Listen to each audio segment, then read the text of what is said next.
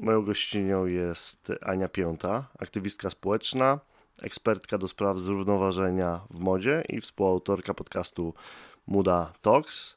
Ostatnio też dyrektorka do spraw relacji w organizacji Wschód. Dlatego zapraszam Was e, do, e, do mojego odcinka e, Łukasz Bartkiewicz Podcast.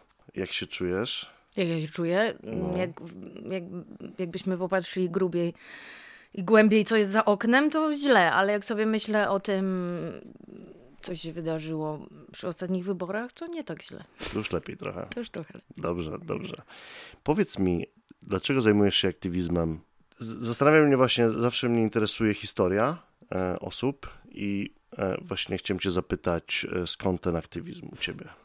Pewnie by trzeba było pogadać z moją terapeutką e, i głębiej e, wejść w to, po co ja robię to, co robię. E, wiesz co, mm, myślę, że on jest bardzo jakiś taki, nie wiem czy rdzenny, ale bardzo długoletni. Znaczy jak się Mhm. Często zastanawiam nad tym, kiedy, znaczy nie, nie często, ale jak się czasem zastanawiam, albo ktoś mnie pyta, kiedy to się zaczęło, no to pewnie to się zaczęło, wiesz, w szkole podstawowej jakimiś zuchami, a potem harcerstwem i chęcią, wiesz, po prostu jakiegoś przewodnictwa, ale też um, działania w grupie mhm. e, w różny sposób. I dzisiaj... Czy już od, od najwcześniej, od najmłodszych Pewnie lat. tak, ale wiesz, to nie na zasadzie dolewania sobie, że o Boże, odkąd się urodziłam, to jestem aktywistką. W ogóle nie, tylko bardziej jak wiesz, przychodzi ci taka refleksja w okolicach y, czterdziestki typu, co, jak ja w ogóle doszłam tutaj, gdzie jestem i, mhm. i co mną tam, wiesz, powodowało, no to, no to rzeczywiście gdzieś tam jak głębiej sobie kopiesz, to, to, to, to się okazuje, że, że, że to było wcześniej. Mm, I myślę, że tak. I tak, i było dużo takiej, wiesz, też chęci organizacji rzeczy. Myślę, że od dawna to też wynikało z tego, że i to też może wynika y, z jakiegoś takiego, wiesz, spektrum, bo ja też mam ADHD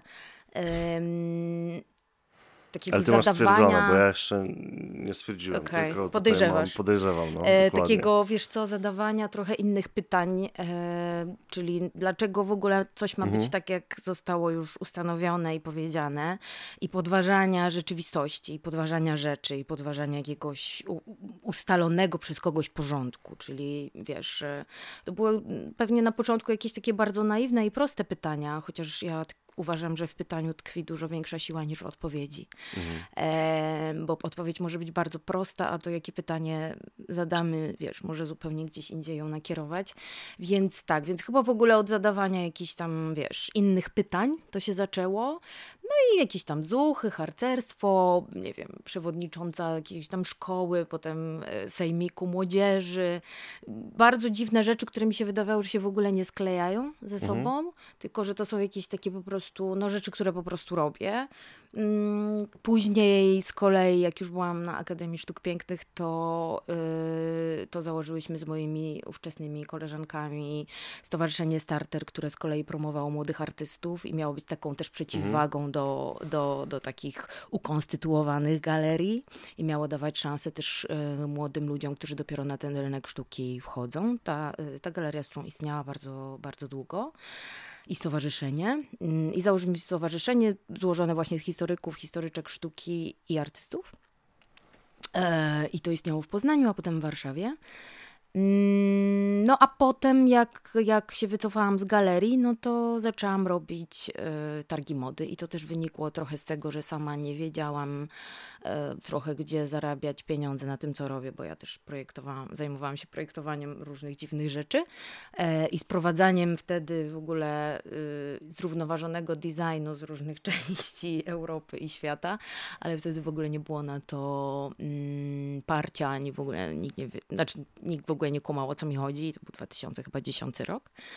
I zaczęłam po prostu robić sobie miejsce na tym rynku, no ale stwierdziłam, że znowu sama tam nie będę szła, no mhm. bo wtedy zwiększają się i koszty, i siły, trzeba więcej w to włożyć. Jasne. Więc zaczęłam się organizować z innymi ludźmi. No i ściegi, które robiłyśmy w 2000, robił, tak, w 2010 roku, ściegi ręczne to się nazywało. Pierwsze miały chyba kilkunastu projektantów a ostatnie miały już stu. Potem to się przerodziło w Hash Warsaw i, i w zasadzie w 2000, chyba to było 13 roku, wynajęłyśmy Stadion Narodowy i przyszło 20 tysięcy osób. Mhm. I to mi pokazało, no że to, to są jakieś takie już, tak, grube, grube rzeczy i to Czyli już to nie już jest nie tylko... byłaś sama. Nie byłam sama zdecydowanie i że to już nie są, wiesz, że to już nie są przelewki, że to już nie jest y, Ania i paru projektantów, tylko że to jest coś dużo większego ode mnie. Mhm. Dobrze, odpowiedziałaś mi też na pytanie, jakie były e, właśnie pierwsze akcje, w które byłaś e, zaangażowana, e, więc świetnie. I kolejne pytanie, jakie mam, chciałem Cię zapytać, czym dla Ciebie w ogóle jest aktywizm? Jak Ty byś go zdefiniowała? Wiesz co, to też jest ciekawe pytanie, bo on mi się strasznie, ta definicja zmienia z czasem. Ja bym powiedziała, że to jest jakaś wyższa forma zaangażowania społecznego i mhm. zaangażowania takiego w ogóle w życie publiczne. Mm, I teraz, czy tym aktywistą i aktywistką będzie ktoś, kto rzeczywiście chodzi na demonstracje, pisze petycje, podpisuje te petycje, działa w social mediach, e, nie wiem, tworzy jakieś grupy zorganizowane, czy jakieś oddolne ruchy, czy właśnie stowarzyszenia, fundacje działające w jakimś konkretnym temacie.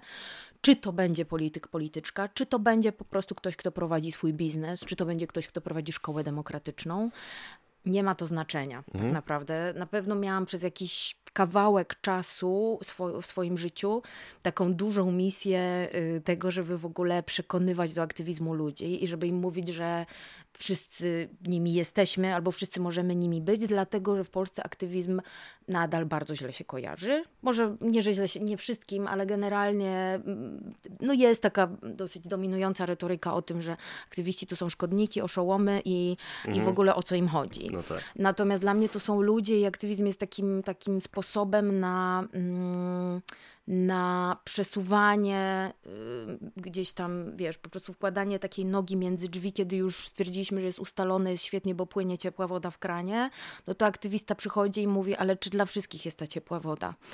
I, i zadaje właśnie to pytanie i nie mm. pozwala, to nie chodzi o to, że on się czepia, czy ona się czepia, tylko chodzi o to, że, mm, że po prostu widzi, że dla kogoś jeszcze przy, miejsca przy tym stole być może brakuje, na przykład. Albo po prostu widzi, że system nie działa działa i nie daje rady jakby zaopiekować się nami wszystkimi, nie? Dlatego, no nie wiem, dlatego dla mnie ktoś, kto, nie wiem, działa na rzecz e, właśnie na przykład mm, edukacji, która jest inna niż ta, którą mhm. mamy do tej pory w pruskim systemie, będzie aktywistą, kogoś, kto broni praw mniejszości, kogoś, kto nakarmi, kurde, ludzi, e, którzy, którzy, którzy nie mają nie mają na to środków i są głodni, kogoś, kto przyjmie do siebie, tak jak mieliśmy narodowe poruszenie, jednak w pewnym sensie mm. aktywistyczne w trakcie wybuchu wojny, napaści Rosji na Ukrainę. No, jakby wszyscy ci ludzie, którzy pomagali, w sensie właśnie takiej definicji, jaką ja gdzieś, gdzieś mam w sercu i w głowie, byli aktywistami. Mhm. Natomiast my się bardzo boimy tego, to jest takie słowa. trochę magiczne, takie wiesz, takie trochę, trochę takie, mm, tak, tak to, to słowo jest takim jakimś takim, taką, nie wiem, takim znaczkiem, jakąś taką obrożą, nie wiem czym, jakimś takim, jakąś maską, którą ktoś ci nakłada, trochę jak z feminizmem, że nie można mm. się do końca określić feministką. Jasne. No nie, no jakby ja uważam, dla mnie to jest ogromny powód do może nie do dumy, bo to zabrzmi może za, za, za mocno, ale do. Mm, na pewno bardzo to określa moją tożsamość, na pewno bardzo się z tym identyfikuję. Mm, czasami się boję nawet tak określać, bo wydaje mi się, że za mało robię rzeczy, mhm. że, że, że to, ale Mimo generalnie... wszystko, ty, że robisz za mało. tak, ale okay. wiesz, ale, no bo to z boku wygląda różnie, ale czasami, czasami mi się wydaje, że, że mogło to by być więcej, natomiast też trzeba powiedzieć, to jest, yy, że to jest zawód, nie? To mhm. znaczy, żebyśmy nie traktowali tego jako jakąś tam zabawę, którą ktoś robi po godzinach. Ja też sobie zdaję sprawę z tego, że jestem w jakimś sensie uprzywilejowana, że mogę to robić i że mogę na tym zarabiać albo sobie jakoś dorabiać inaczej, ale, ale godzić te rzeczy. Mm, natomiast mam też znajomych, którzy na przykład, y, nie wiem, pracują cztery dni w tygodniu, a jeden dzień poświęcają na jakieś aktywistyczne rzeczy, ponieważ, nie wiem, im praca, ich mhm. praca im nie daje tego impaktu, jaki chcieliby mieć. Więc są różne modele ja jakoś tak mam, jak, jak, tak bym chciała podzielić tego wirusa aktywizmu z ludźmi, mm. żebyśmy się nie musieli, żebyśmy czuli, że każdy z nas y, kawałek ma. To znaczy, jeżeli to jest um, wiesz, to są też maleńkie rzeczy. Ja na przykład się bardzo nie odnajdywałam e, nigdy w takich mocno lokalnych rzeczach, mhm. a z drugiej strony gdzieś mam poczucie, że może one mają w ogóle największe znaczenie. To znaczy, nie chcę też wartościować, ale że wiesz, najszybciej je widzimy. Dla mnie to są zawsze te takie trochę dalej idące rzeczy, albo większe. Jasne, jest, trudno dosyć się zaangażować w takie, w takie mikro rzeczy, ale moja przyjaciółka Areta Szpura, która, która, z którą się w zasadzie tak zaprzyjaźniłam e, przez ten aktywizm. Jak się kiedyś umawiałyśmy, nie wiem, w 2018 roku, jak obie miałyśmy, czy 17, taki, o 17 chyba, takie rozdroże w życiu zawodowym i ona odeszła i z mody i ja i miałyśmy tak, no dobra, to co dalej, to co byś chciała robić? I, no i zaczęliśmy też razem różne rzeczy robić. No i na przykład Areta jest bardzo mocno zaangażowana w takie lokalne rzeczy. Obie też byliśmy w Miasto jest Nasze, mm, natomiast Areta doprowadziła na przykład do powstania dzielni, czyli takiego miejsca, gdzie mm. można sobie wymieniać się rzeczami za darmo. No i też jest w Radzie Dzielnicy, w Radzie Osiedla chyba, przepraszam. Więc ona na przykład gdzieś widzi tutaj taki wpływ większy. No zresztą akurat miasto jest nasze i różne miejskie ruchy, nie tylko z Warszawy, czy, czy, czy ze Śląska, czy w ogóle z całej Polski, które działają lokalnie, uważam, są absolutnie kluczowe po to, żeby ludzie dookoła siebie zobaczyli te zmiany, bo jak mówisz ludziom, że wiesz, y, mhm. klimat się zmienia i temperatura się podwyższyła o 1,5%, to niespecjalnie im to cokolwiek mówi, nie? Ale jak pokazujesz na miejscu, jaki to ma wpływ na ich życie, no to, no to to działa dużo bardziej. Więc tak, więc takim moim marzeniem jest y, w ogóle jakieś takie mm, po, po, porządne, duże obywatelskie społeczeństwo, bo można to też tak rozumieć. Ja bym właśnie nazwała pewnie jakimś takim aktywistycznym mhm. bardziej społeczeństwem, bo, bo jednak ta obywatelskość też różne, różne formy dla różnych osób może przybierać. No, oczywiście można też być aktywistą, który, wiesz, czy aktywistką, która, no, wiesz, tak jak się mówi na Kajewgodek, że jest też aktywistką mm. ruchu. Y, no tak. Nie nazwałabym pro-life, raczej, y, raczej anty-life dla, dla kobiet na przykład, ale no wiesz, też się nazywa aktywistką, dlatego to jest też taki jakiś różnorodny wachlarz mm, i, i to jest czasem trudne, ale ja bym, ja bym bardzo chciała, żebyśmy my wszyscy tego bakcyla chociaż w jakimś procencie y, dzielili. To jest zajebiste, bo właśnie dlatego cię zaprosiłem, ponieważ chciałem e, to słowo aktywizm i jakby właśnie e, tą formę działalności tak trochę odczarować, też tak po prostu pokazać w takim świetle, że to jest fajna rzecz, po prostu są ludzie, którzy, którzy robią fajne rzeczy. Przecież ty też masz swoją część aktywistyczną. Też mam jakąś tam swoją aktywistyczną, chociaż nie jest aż tak spektakularna, myślę, jak, jak twoja, ale po prostu jest taką formą dodatkową, jak powiedziałeś, że tam e, jakby mi się podoba to twoje podejście dotyczące aktywizmu takiego właśnie szerszego, że to, to może być jakiekolwiek działanie, które jest po prostu nosi dobro, mhm. mogę tak powiedzieć. Mhm. I też pamiętam, że jak byłem na spotkaniu Miasto jest Nasze i e, usłyszałem właśnie, jak oni działają do, e, odnośnie jakiejś ulicy, to tak jakoś nie mogłem tego poczuć. Ten aktywizm e, miejski, bo jest też wiele różnych form, różnych rodzajów, na przykład społeczny, polityczny, ekologiczny. Ja tutaj sobie e, wymieniłem feministyczny, antywojenny. E, dodałbym właśnie miejski. On mi się taki wydawał mały dosyć, ale potem na przykład jak zobaczyłem, jak to jest robione w Barcelonie, to poczułem go trochę w inny sposób, nie? Ale myślę, że szukanie swojego miejsca w nim też jest istotne. Mm -hmm. I bardzo ważne po tych latach takich, wiesz, spędzonych w różnych i projektach, i działaniach, myślę, że mega ważne jest to, że w aktywizmie jako takim, takim długofalowym, generalnie nie ma mety. I bardzo ważne jest sobie określać jakieś takie przystanki, przynajmniej co jakiś czas, do których się mm. udało dobiec, bo inaczej i zaliczyłam to również parę razy, grozi ci to takim wypaleniem, że nic z ciebie już potem tak, nie będzie. Tak, to jest jedno z moich pytań właśnie, jak przeciwdziałać wypaleniu w aktywizmie, hmm. bo to jest bardzo, wiesz, męczące, nie ma takiego zwrotu, jakby się, wiesz, e, jak idziesz do pracy, po prostu dostajesz pieniądze hmm. za, za swoją pracę, nie wiem, w usługach, hmm. to tutaj nie ma takiego czystego, nie? No to jak sobie z tym radzisz? W moim przypadku, jak mhm. przeciwdziałać hmm. wypaleniu, to jest tak jakbyś zapytał e, po prostu no właśnie, wiesz, jakiegoś mm, narkomana, jak się nie uzależnić od narkotyków, ale mm, albo alkoholika, jak się nie uzależnić od alkoholu. No, ja miałam taki czas, że ja totalnie to ćpałam i też ADHD nie pomagał, ja się nie w ogóle nie potrafiłam momentami zatrzymać i aktywizm stał się i moim życiem, i moją rodziną, i moją pasją, i w zasadzie mm. wszystkim, i w ogóle tego nie rozdzielałam. E, dzisiaj te czerwone lampki mi się zapalają wcześniej, zdecydowanie, więc na przykład przy, przy, przy tych wyborach i przy tej kampanii profrekwencyjnej zdecydowanie wiedziałam, kiedy, kiedy mam dość mhm. i musiałam po prostu robić, robić, robić przystanki i, i takie stopy um, ważne, więc chyba to w ogóle, że, że, że Mm, myślę, że każdy będzie miał swoją granicę wytrzymałości. U mnie to są na przykład migreny, problemy z żołądkiem, mhm. psychosomatyczne objawy, kiedy ja wiem, że Twoje muszę ciało się daje wycofać. Ci znać, dokładnie. Że to wystarczy. Tak, i to, co mi wtedy najbardziej pomaga, nauczyłam się też wtedy nie uciekać zupełnie, bo do tej pory robiłam tak, że jak wiedziałam, że już jestem mm, albo na skraju wypalenia, albo w wypaleniu, to uciekałam, czyli nie wiem, wyjeżdżałam nagle gdzieś na trzy miesiące i znikałam, albo, albo, albo po prostu nie chciałam się z nikim widzieć i, i się przykrywałam kocem i się, i się i oglądam, nie wiem, głupie seriale po to, żeby, żeby się zresetować kompletnie, co też było absurdalne, no bo było ucieczką w drugą stronę i w jakieś takie różne kompulsje, mm. a, a teraz mam tak, że po prostu staram się na bieżąco rozmasowywać w sobie takie i taką, takie za duże ciśnienie, czy to sportem, czy oddychaniem, czy jakąś medytacją, czy śpiewaniem, czy tańcem, czy no nie wiem, dużo tego jest, czy mhm. na przykład jakąś mechaniczną czynnością, taką po prostu bardzo, bardzo jakąś prostą, y, nie wiem, na przykład teraz mam zamiar sobie pomalować jedną ścianę w domu po to, żeby sobie jakieś tam napięcia po, po, po, po, po, po upuszczać.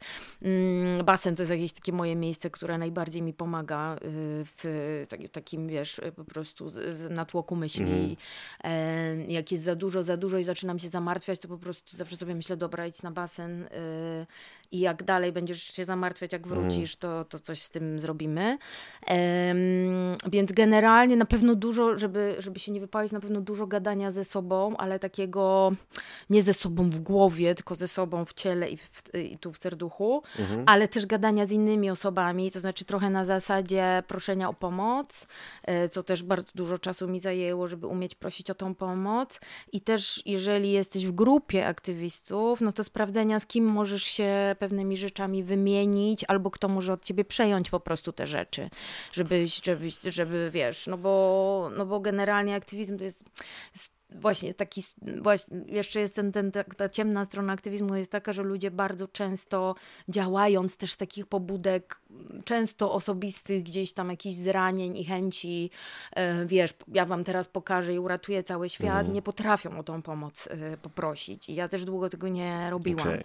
Więc myślę, że przy takim, chyba to jest w ogóle jakaś taka główna rzecz, mm. żeby się nie wypalić, to, to prosić o pomoc niekoniecznie od też aktywistów z twojej grupy, e, jakiejś tam, czy z twojej bańki, ale może od innych, którzy rzeczywiście odczuwają to samo i tak, wiesz, nawet się gdzieś tam, gdzieś tam spotykać w jakichś różnych po prostu gronach, żeby to sobie przegadywać i, i mówić, kurde, no ja miałam tak samo, uważaj na siebie. To jest tym bardziej chyba trudne, bo aktywizm też jest często niezrozumiały po prostu dla innych z zewnątrz, nie? I jakby trudno się e, otworzyć, to na pewno dobrze szukać e, pośród ludzi, którzy ten aktywizm robią i pomagać też, e, no ale wiadomo, mamy znajomych z różnych, z różnych po prostu prostu miejsc. E, I, i, I to dla mnie jest e, też taka rzecz, e, o której chciałem porozmawiać, właśnie, że z jednej strony.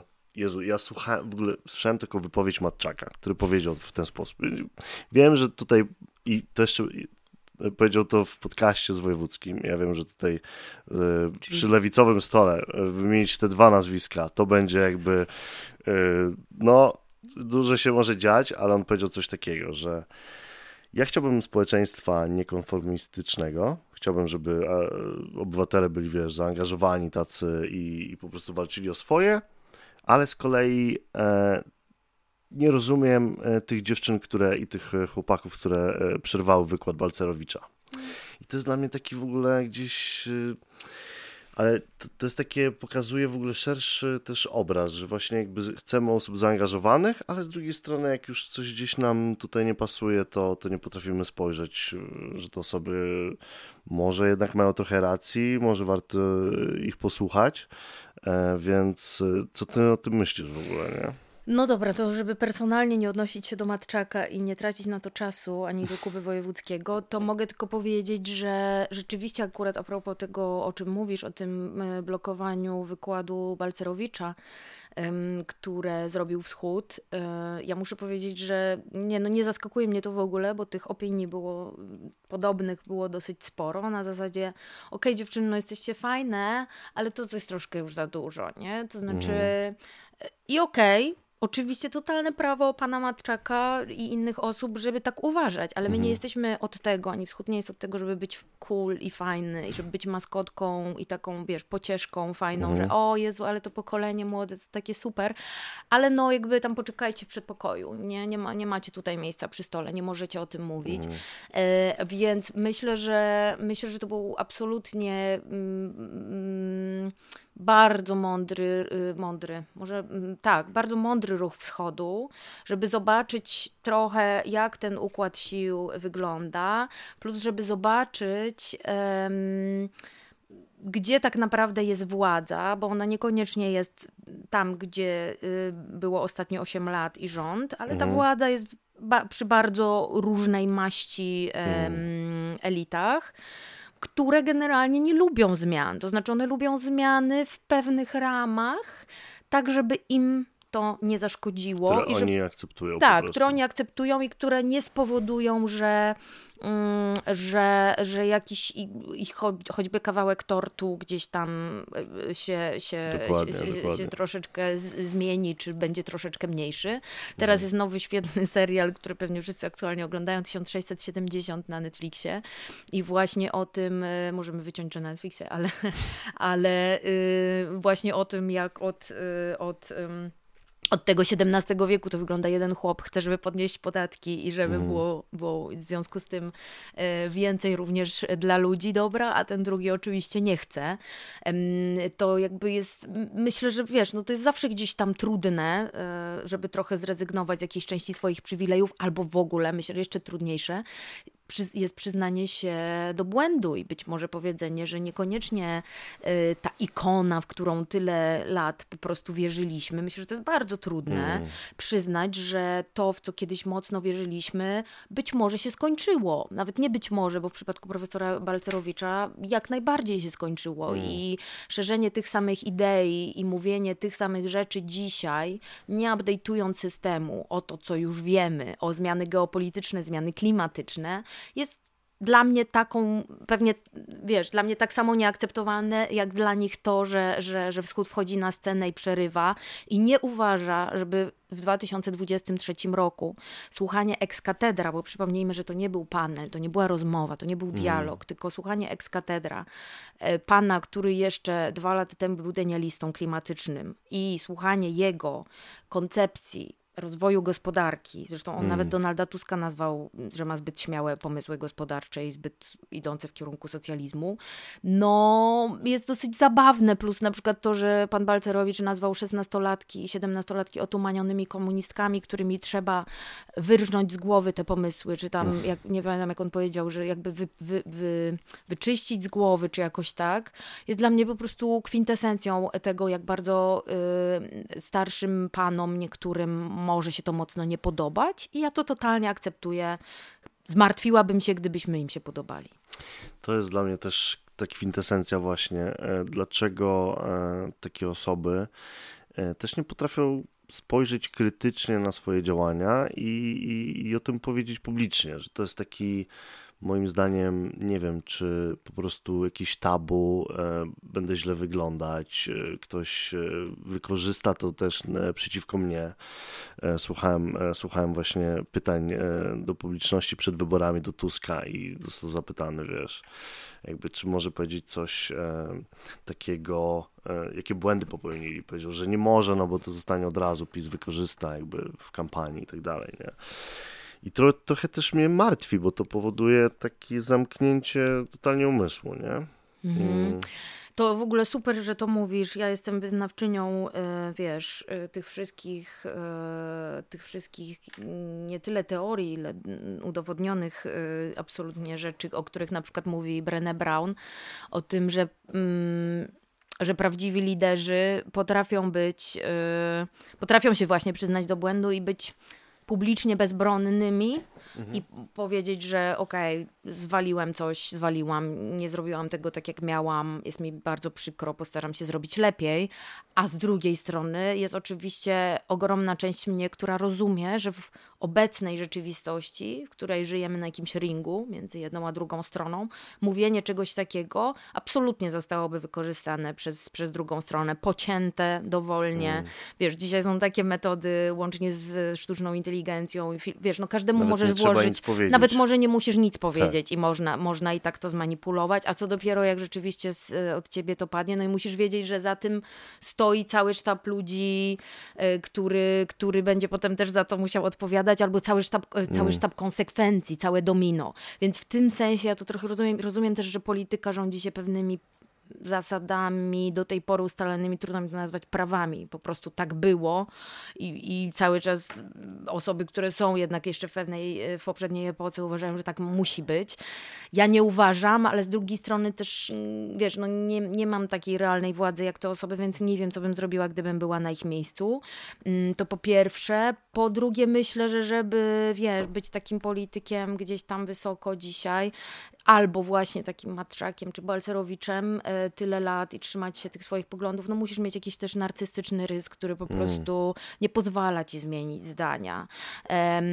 taki, który po prostu nie, nie uznaje niezgody na to, co ty mm. mówisz, który kocha po prostu to, że wiesz, ma swój obóz i, i, e, i nie należy. Y, ja wiem, że to jest kuszące, no bo sama też, kurde, tam czasem jestem, że jest mi bardzo trudno, jak ktoś się ze mną nie zgadza, albo jak muszę się do tego błędu przyznać, ale no ale mm, to też boli, no po prostu. Nie wiem, no jak słucham czasem Tomasza Lisa, to po prostu sobie myślę, że ten koleś już absolutnie nigdy nie zmieni swoich poglądów mm. i jedyne co możemy zrobić, to nie przypisywać mu tak dużej wagi, no i, i nie słuchać tego.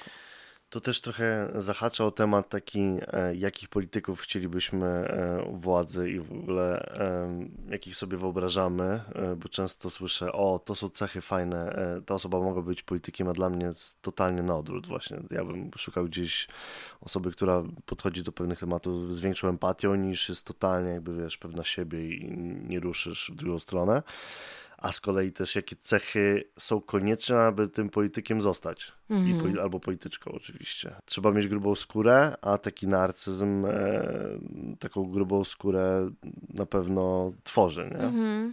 Pewnie tak i wiesz, stare dobre wyparcie mm, też jakby jest nie do przecenienia w obecnych mm. czasach. Ja też uważam, że łatwiej jest, e, znaczy, czy ja sobie uważam, mi jako osobie, e, która czuje za dużo i za mocno, e, to czasem jak patrzę na ludzi, którzy są w takim starym, dobrym wyparciu, to zazdroszczę. Mm. Naprawdę, mówię to bez żadnego przekąsu, e, że, że w tej rzeczywistości, żeby nie widzieć wielu rzeczy, no jest to jakiś też obronny system i, i też zupełnie się, wiesz, też temu nie dziwię, nie? Powiedz mi, bo już e, e, zaczęłaś, a ja oczywiście też o tym chciałbym porozmawiać, czym jest wschód? Mhm. Jak, może jak powstał, jakie tak. są, jakie ma cele? Dobra. Bo to jest chyba główny teraz, e, tak. jedna z głównych twoich tak, e, działalności. Tak, tak. Wschód jest, e, wschód jest inicjatywa Wschód, tak dokładnie, jest inicjatywą głównie, głównie młodych ludzi. Ja jestem chyba najstarsza we wschodzie i dlatego też, dlatego też tam się nie jestem w większości na froncie, no bo to też ma być głos nowego pokolenia e, młodych ludzi, którzy domagają się zmiany, przede wszystkim zmiany dotyczącej e, sprawiedliwej transformacji. A na tą sprawiedliwą transformację składa się i odejście od paliw kopalnych, i zielone prace, i godne płace. Ja wiem, że to brzmi tak dosyć okrągło, ale e, mogę potem powiedzieć, co to, co to znaczy.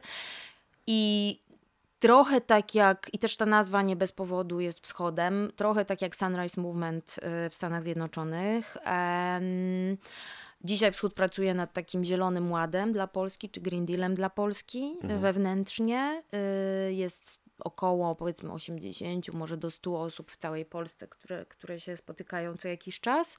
Mają też wspólne komunikatory, które... To już całkiem sporo. Tak, tak, tak. Które po prostu też nad tym wspólnym dokumentem mhm. siedzą, siedziały i też ten dokument jest konsultowany z bardziej, powiedzmy, specjalistycznymi osobami w tych tematach, ale generalnie on nie ma być super szczegółowym też dokumentem, ma być po prostu takim, takim właśnie tak jak Green Deal, ogólnymi ramami tego, co w związku z taką sprawiedliwą transformacją i takim zielonym dealem dla mhm. Polski miałoby się wydarzyć dla ludzi, dla górników, dla, po to, żebyśmy się mogli właśnie przestawić na tą, na tą zieloną bardziej gospodarkę, na zielone prace, po to, żebyśmy mogli bardziej uczestniczyć y, w, jako społeczeństwo obywatelskie w różnych decyzjach i tak dalej, i tak dalej. No tam jest kilka, natomiast tak jak Green Deal, tak jak ten, ten, ten deal, który napisał Sunrise Movement, mm, on ma ten, ten amerykański chyba ma 14 stron, tak to też nie jest obszerny dokument, bo chodzi o to, żeby każdy mógł mhm. go zrozumieć i żeby pokazać tych kilka aspektów, czyli dotyczących tego, jak środowisko łączy się z ludźmi i, i naszą przyszłością, nie? I przyszłością Polski. Więc, e, więc to jest jakby takim, takim mocnym, dużym fokusem wschodu. No ale też e, to, co się wydarzyło przy tych wyborach, czyli, czyli wschód um, miał na celu tak naprawdę również od odsunięcie od władzy rządów, które były przez ostatnie 8 lat głuche na jakiekolwiek zmiany w tematach klimatu, mhm. e, zupełnie skilowały energię z wiatraków na przykład. OZE też nie pomogły, mm, nie zajęły się tymi tematami prawie w ogóle i oczywiście tak jak poprzednie rządy, natomiast również straciliśmy co najmniej te 8 lat, może o kilka mniej, bo tam coś się powiedzmy około 2019 roku zaczęło dziać, ale zdecydowanie za mało w kontekście tego, że jesteśmy i tak w szarym ogonie y, w Unii Europejskiej tych zmian. I straciliśmy bardzo dużo czasu, pieniędzy, też różnych, y, różnych funduszy, które, które mogłyby pójść na mhm. transformację energetyczną z handlu emisjami. Windfall tax, czyli nadmiarowych zysków, na przykład Orlenu to było 35 miliardów chyba w poprzednim roku. To wszystko mhm. może iść na, tak, tak jak i KPO, na transformację energetyczną.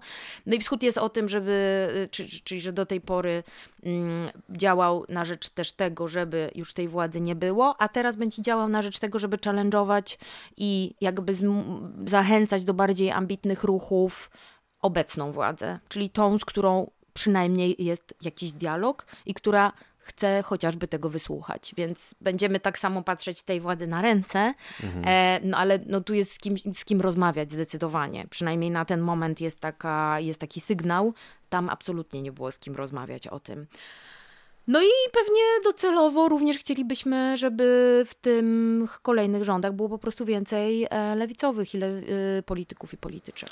No właśnie, teraz sobie pomyślałem o tym, że nie powiedziałem tego na wstępie, ale właśnie e, wasza kampania profrekwencyjna u kobiet, no to ogromny, wiesz, ogromne gratulacje i no, myślę, że wielki fenomen, jak widzę po swoich E, znajomych gdzieś pokazałyście, że faktycznie kobiety mają wpływ. I to nie jest tylko tak, że no fajnie byłoby ich trochę tam dać więcej do tej polityki, a nagle się okazało, że e, tutaj kobiety pokonały tak naprawdę rząd. W sensie, no, mhm. oczywiście było wiele, e, wiele różnych grup, ale no, kobiety tutaj zagłosowały, poszły na wybory i faktycznie dokonały tej zmiany. Mhm.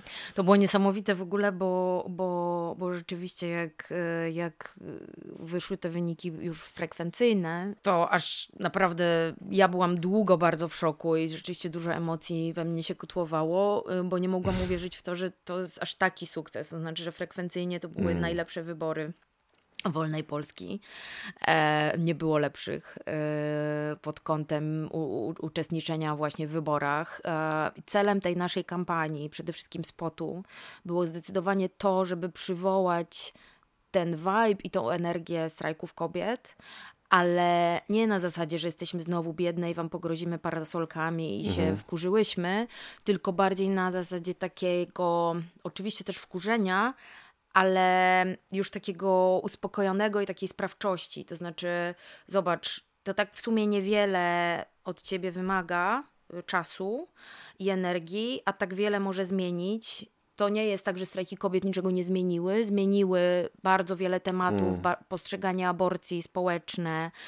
Co z tym będzie, to jakby nie chcę już o tym gadać, bo strasznie dużo jest wokół tego aktualnie, y, myślę, jakiś tam, znaczy możemy, ale, ale może, może nie, nie, nie w tym momencie. Yy, więc niesamowite jest to, że było bardzo niewiele głosów takich hejterskich w stosunku do tej kampanii, mm. ponieważ ona niczego nie zakłamywała. Pokazywała kobiety w różnych sytuacjach, a w tle leciały wypowiedzi autentyczne polityków mm. z ostatnich tam powiedzmy ośmiu lat które te kobiety obrażają, ale mm. tak na, na wszelkie możliwe sposoby. Że są głupsze od mężczyzn, że w zasadzie gdzieś pomiędzy, nie wiem, no może mądrzejsze niż zwierzę, ale trochę jak, nie wiem, dzieci, e, że w zasadzie nie powinny być może mieć prawa głosu, że mm, to, tam było też oczywiście o, o społeczności LGBT, mm, że to jest ideologia. To wszystko powiedzieli czołowi politycy w tym kraju, albo politycy, którzy mają bardzo duży posłuch, czy, czy, czy, czy dostali jakieś tam powiedzmy w miarę spore poparcie od swojego elektoratu. No i to jest niesamowite, że w ogóle można coś takiego, będąc czynnym politykiem utrzymywanym z naszych podatków, mhm. powiedzieć w XXI wieku, że to są naprawdę takie poglądy, no właśnie może jak z tego serialu 1670, y, czyli XVII wiek, głęboka polska wieś.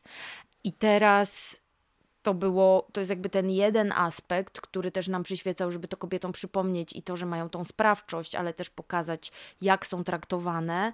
Tam jest też wątek bezpłatnej pracy kobiet z tym po prostu płonącym żelazkiem, która myślę, że płonie, jak ktoś mi napisał, że dla niego to żelazko jest takim symbolem w ogóle płonącego w kurwu od paru lat w Polsce. Mm. Nie tylko tematów praw kobiet, bo wiadomo, że tych tematów jest milion, no ale trzeba przypomnieć, myślę, że wszystkim słuchaczom i słuchaczkom, że kobiety stanowią 52% społeczeństwa, czyli większość. Mm. Natomiast są traktowane e, cały czas jako mniejszość.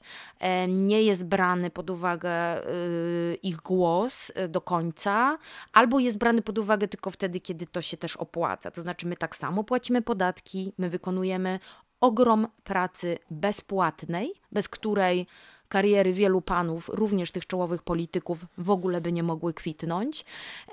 Jest taki, taka, taka strona y, bezpłatny etat.pl, chyba tak mi się wydaje, bezpłatny etat, czy etat, która niewidzialny liczy, etat, przepraszam, liczy, na której można sobie wyliczyć tak, tak. i liczy ile to jest PKB, tam nie wiem, 30% PKB, można to sobie sprawdzić, żebym niczego nie zakłamała, e, ile PKB, do, do PKB w jakim stopniu przykłada się ta bezpłatna praca kobiet, babć, cioć, mhm. mam, kobiet, które wykonują taką najgorszą robotę, może nie najgorszą, bardzo trudną. To znaczy to, że nawet sam, sam, sam, sam wiesz, samo określenie urlop macierzyński, jaki to jest urlop?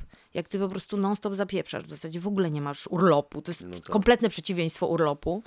Um, i, I wiesz, no to jest bardzo dużo rzeczy, bardzo dużo też takich rzeczy, kobiety są dyskryminowane też w, w, w opiece zdrowotnej, e, nie wiem, nie ma leczenia endometriozy, no nie ma bardzo wielu rzeczy, które nas dotyczą na co dzień, a cały czas się mówi, że to, że to nawet lekarze potrafią powiedzieć, że endometrioza to nie jest problem, bo dotyczy w sumie tylko mm, prawie 3 milionów kobiet. Mhm tylko prawie 3 milionów kobiet. E, więc wiesz, więc to są, to są absolutne cytaty z, z przestrzeni publicznej, z wypowiedzi na temat kobiet, które, jeszcze raz powtórzę, stanowią większość tego społeczeństwa. Oczywiście, gdyby stanowiły mniejszość, nadal to tego nie usprawiedliwia, ale stanowią większość. Mhm. I jeszcze raz, płacą podatki, pracują w tym kraju, wydają pieniądze, utrzymują rodziny. Dlaczego ja nie mam decydować o tym, jak ten kraj wygląda? No i widzisz, i jak, jak rozmawiam sobie ze znajomymi też z różnych, z różnych um, krajów, to jak też im opowiadałam o kampanii, o tym, co robimy i też ten spot poleciał po angielsku, to bardzo wiele osób do mnie mm, wróciło z, takim, z taką informacją, że kurde, my nie wiedzieliśmy, że wy jesteście nadal tak patriarchalnym społeczeństwem, że w ogóle Polska nie ma takiego, takiego wizerunku do końca, ale jak w to głębiej wejdziesz i naprawdę jest ta plansza po angielsku właśnie w wersji tego spotu, że te wszystkie wypowiedzi padły w przestrzeni publicznej, no to trochę nie ma o czym dyskutować. Mhm. Wiesz, to trochę po prostu król jest nagi i to widzisz. I w tym sensie było mało hejtu, bo trochę nie było z czym dyskutować. Wiesz, ktoś tam nam oczywiście powiedział, o, wyciągnięte z kontekstu. No, no, no ktoś to powiedział, więc powinien być, to nie ja jestem odpowiedzialna, używając tego jako cytatu w swoim filmie, za to, co powiedział. Nie róbmy z tych, z tych najmądrzejszych na świecie mężczyzn, yy, którzy to powiedzieli, jakichś jełopów, czy po prostu dzieci w przedszkolu, które chlapnęły coś, a ktoś to wykorzystał. No nie róbmy z nich ofiar. To mm. nie są ofiary, jakby poczekajcie, bo tu chyba po prostu role wam się pomieszały. To nie są ofiary, to są dorośli mężczyźni, którzy powinni być policzalni za swoje słowa to można jakby, e, ja w ogóle mam ciarę, jak o tym mówisz. E, na samym początku właśnie jak wspomniałeś o tym, to, to już no temat, e, no można wymieniać sam fakt, wspomniałeś badania, widziałem też takie, że dopiero od początku XIX wieku w ogóle zaczęło się liczyć majątek kobiet, mm. jako wiesz, w społeczeństwie, że one mają, tak, one zarabiają ich, ich, ich, ich zarobki. E, ale no już takie nawet wizualne, jak e, widzisz, że w e, wyborach na prezydenta startuje 11, wiesz, mężczyzn i, i nie ma żadnej, żadnej kobiety. Widzisz pakt senacki i masz samych mężczyzn. Widzisz ogłoszenie wyborów 15 października i masz samych mężczyzn. Ogłoszenie wyników wyborów i masz samych mężczyzn, nie? Widzisz, oczywiście oni tam powoli, widzę, że idą po rozum do głowy, jakoś ten system update'ują, ale dla mnie to jest cały czas niewyobrażalne, jak może można tak bardzo jednak. E, to jest trochę o tym, co rozmawialiśmy wcześniej jeszcze o, tych, o tym Balcerowiczu. Jak bardzo możesz, siedząc w wygodnym miejscu, nie chcieć spojrzeć trochę poza ten, ten, ten wąski horyzont i nie widzieć w ogóle tego. Tylko, że to się nie, to nie jest tylko, nie, nie dotyczy tylko władzy politycznej, ale też medialnej. To mhm. znaczy, jak w mediach Weźmiesz sobie randomowy y, program Piaseckiego, czy nie wiem, tego drugiego kolesia, kawa na ławę i jeszcze, tak, kawa na ławę chyba. I nawet ostatnio widziałam jakiś skrót tych, o, tych, tego programu i w tym skrócie, bo ja nie mam telewizji, ale byłam akurat u mojej mamy, nie było ani jednej kobiety. Mhm. Więc wiesz, po prostu ja zawsze wtedy mówię you can't be what you can't see. Czyli jak te kobiety mają czuć się reprezentowane albo garnąć się do tej polityki, jeżeli tam nie widzą kobiet, nie widzą osób takich jak one. Jeżeli ja patrzę na dziesięciu panów przy stole siedzących, którzy rozmawiają o właśnie prawach mm. rozrodczych czy prawach kobiet, no okej, okay, jeszcze ta rozrodczość, że prawa kobiet są głównie sprowadzane do tego albo in vitro, albo usuwanie ciąży, albo zachowanie ciąży, albo wychowanie dzieci.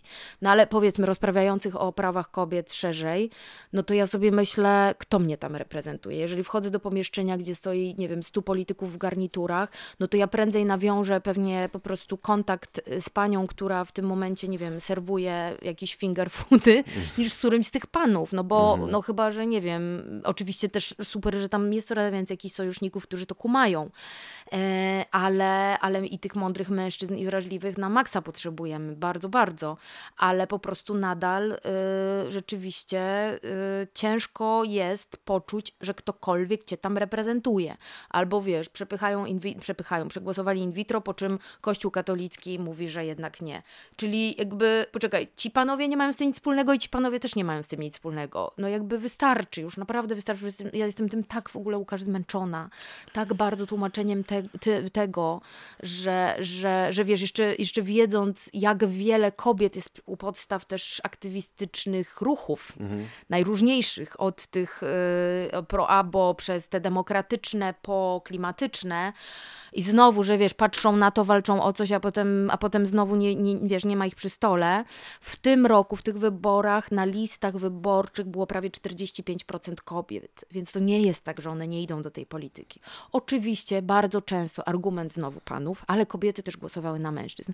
Tak, też głosowały na mężczyzn, bo y, narracją tych wyborów było wybierzmy Trochę mhm. killerów, trochę w ogóle stare wygi, doświadczone osoby, bo celem jest wyłącznie na, ten, na te wybory. Celem mhm. wszystkim, absolutnie ogólnopolskim, nieważne czy się zgadzamy co do niuansów, było odsunięcie autorytarnej e, władzy e, od władzy, czy od, od, od po prostu, wiesz, możliwości ustanawiania władzy ale dalej i przepisów. Quo, no, tak, ale, ale to nie zmienia, wiesz, dlatego dla mm. mnie wiadomo, że, że, że, że, że te tematy się w ogóle nie kończą z nową mm. władzą.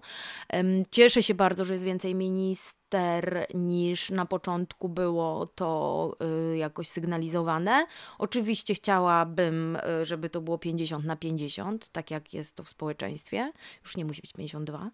E, natomiast, y, natomiast, natomiast, no mam nadzieję, że po prostu znowu z tym, to co powiedział Donald Tusk, że, że proszę się nie przywiązywać, bo te, bo te stołki będą rotować. Nawet ja nie jestem przypisany do stołka, więc ja pamiętam te słowa i będę obserwować, jak to się będzie zmieniać.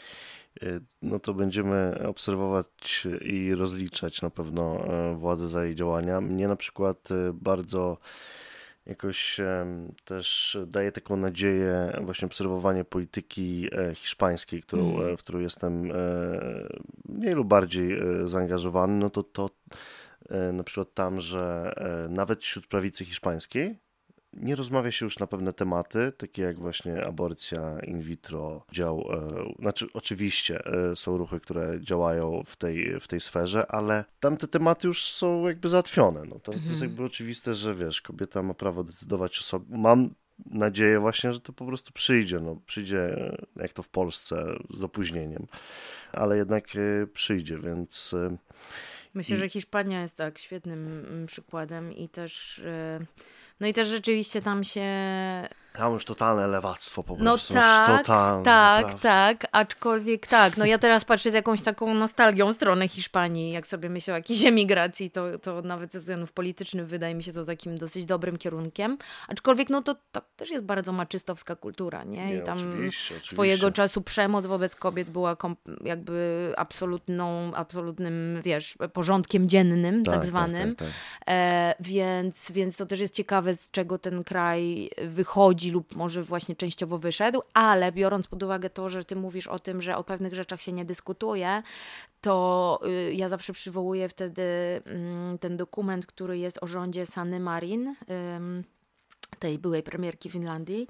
I tam w pewnym momencie y, jedna z tych ich, jej minister mówi o tym, że w pewnym momencie nawet Finlandia zaczęła dyskutować o tym, czy w zasadzie abort tak? Czy to powinno być w ogóle mm, refundowane z budżetu, czy coś.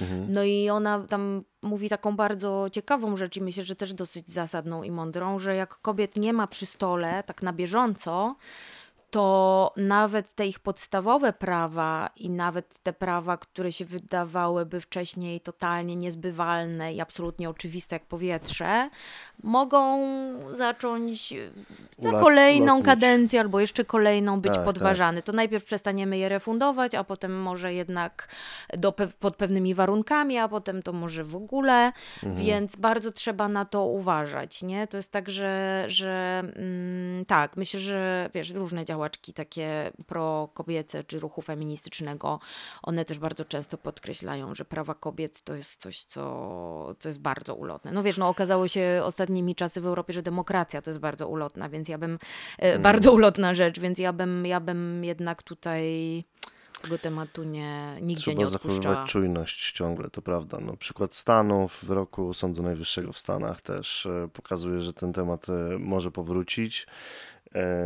W Hiszpanii, no to przecież ten e, prezes Federacji e, Piłkarskiej, który pocałował piłkarkę, tak, e, w końcu został chyba, nie wiem czy usunięty, ale czy, czy zrezygnował, ale no tam ta nagonka trochę na niego za to, no bo on też przecież tam się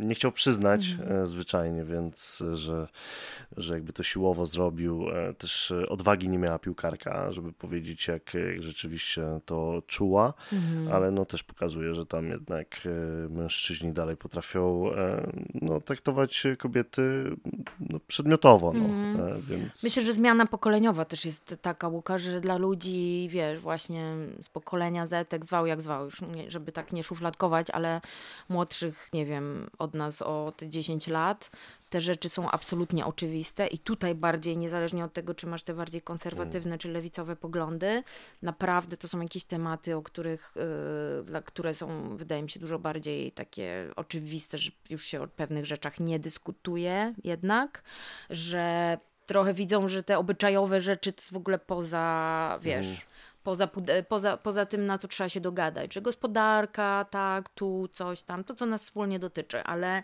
ale jakby nie, nie, nie wiem, nie zaglądam nikomu do, do, do łóżka czy do, wiesz, do, do majtek. Też dla mnie e, takim e, właśnie świadectwem, że trzeba być ciągle czujnym jest to, co się dzieje, wiesz, na naszej wschodniej granicy i e, ja używam takiego e, porównania, że dla mnie, wiesz, pushbacki, które, które gdzieś e, Straż e, Graniczna, których dokonują, no to jest taki współczesny trochę holokaust dla mnie, nie? I, i to jest dosyć mocne, ale jakby ja nie umiem tego inaczej opisać. Mhm. Po filmie, wiesz, Agnieszki Holland, Zielonej Granicy tylko takie słowo mi się nasuwało na, na, na usta. E, I tam też już też jest wielu aktywistów, z którymi na pewno jesteś e, w kontakcie, albo... Ja w ogóle nie widziałam jeszcze tego filmu, ponieważ nie byłam e, psychicznie gotowa na to. Trzeba być, no, trzeba być psychicznie I gotowym. I zostawiłam sobie, jak już opadnie kurz po, po, po tym filmie.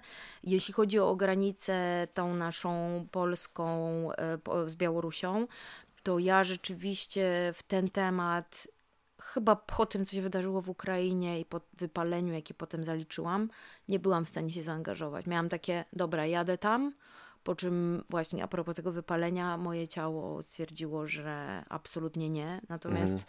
to, o czym mówisz, no jest mi, to jest w ogóle tak...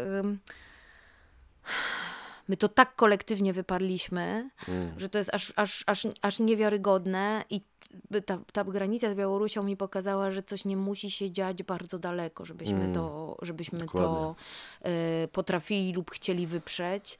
Myślę, że to wynikło z, y, jedno to z kryminalizacji pomocy tym ludziom, nie? czyli jakby w tym samym czasie pomoc dla Ukrainy była, mm, była nagradzana, pomoc dla, dla, dla granicy z Białorusią, w sensie dla osób na granicy z Białorusią była kryminalizowana, ale dwa, to też myślę, że my naprawdę no już byliśmy tak dojechani, że mhm. tam rzeczywiście i na całe szczęście, czy Fundacja Ocalenie, czy, czy, czy tam Salam Lab przez chwilę, Karol Wilczyński, ale też jakieś posłanki, no na szczęście byli tam jakaś część tych aktywistów, którzy dobrze zaplanowali też swoje kroki i wiedzieli, mhm. że to, co się dzieje z Ukrainą, to nie będzie jedyny problem. Mm, na szczęście osoby, które też wiesz... Yy, pomogły osobom niebiałym, bo jak wiemy, to też jest czynnik, który, który tutaj miał duże znaczenie i nadal ma w kontekście na przykład tego, co się dzieje aktualnie w Palestynie.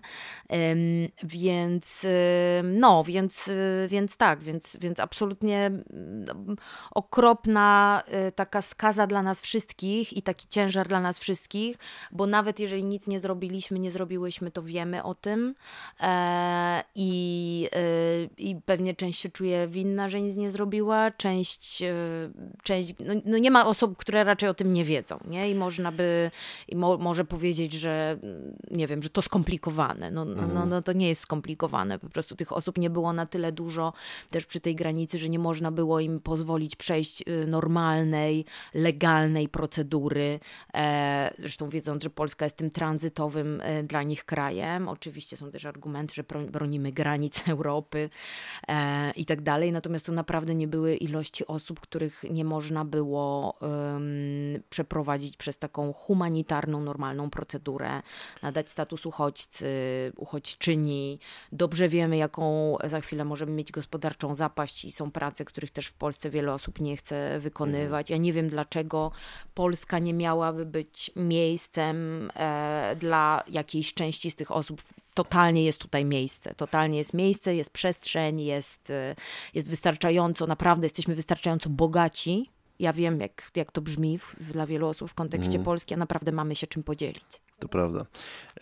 Tak, ja też często przy, przywołuję takie statystyki, na przykład, że tam już od 5 y, tysięcy dolarów y, chyba w PKB na osobę per capita można, e, można już ten system tak rozłożyć, e, żeby przy, przykładowo w, w, ochronie zdrowia e, już, już pomagać, wiesz, biedniejszym, a, a po prostu my mamy to PKB jeszcze większe, a ciągle w tej przestrzeni publicznej mówi się, że jednak Polska ciągle musi, wiesz, rosnąć, mm -hmm, mieć. Oczywiście, jakby e, z niektórymi tam e, rzeczami się zgodzę, że no, gdzieś ten, ten stosunek do rozwoju, okej, okay, to, to jest kolejny, kolejny temat, ale wracając jeszcze do, do granicy, no to jest też wiele takich paradoksów, no bo z jednej strony, wiesz, migranci są używani jako broń przez Erdogana mm.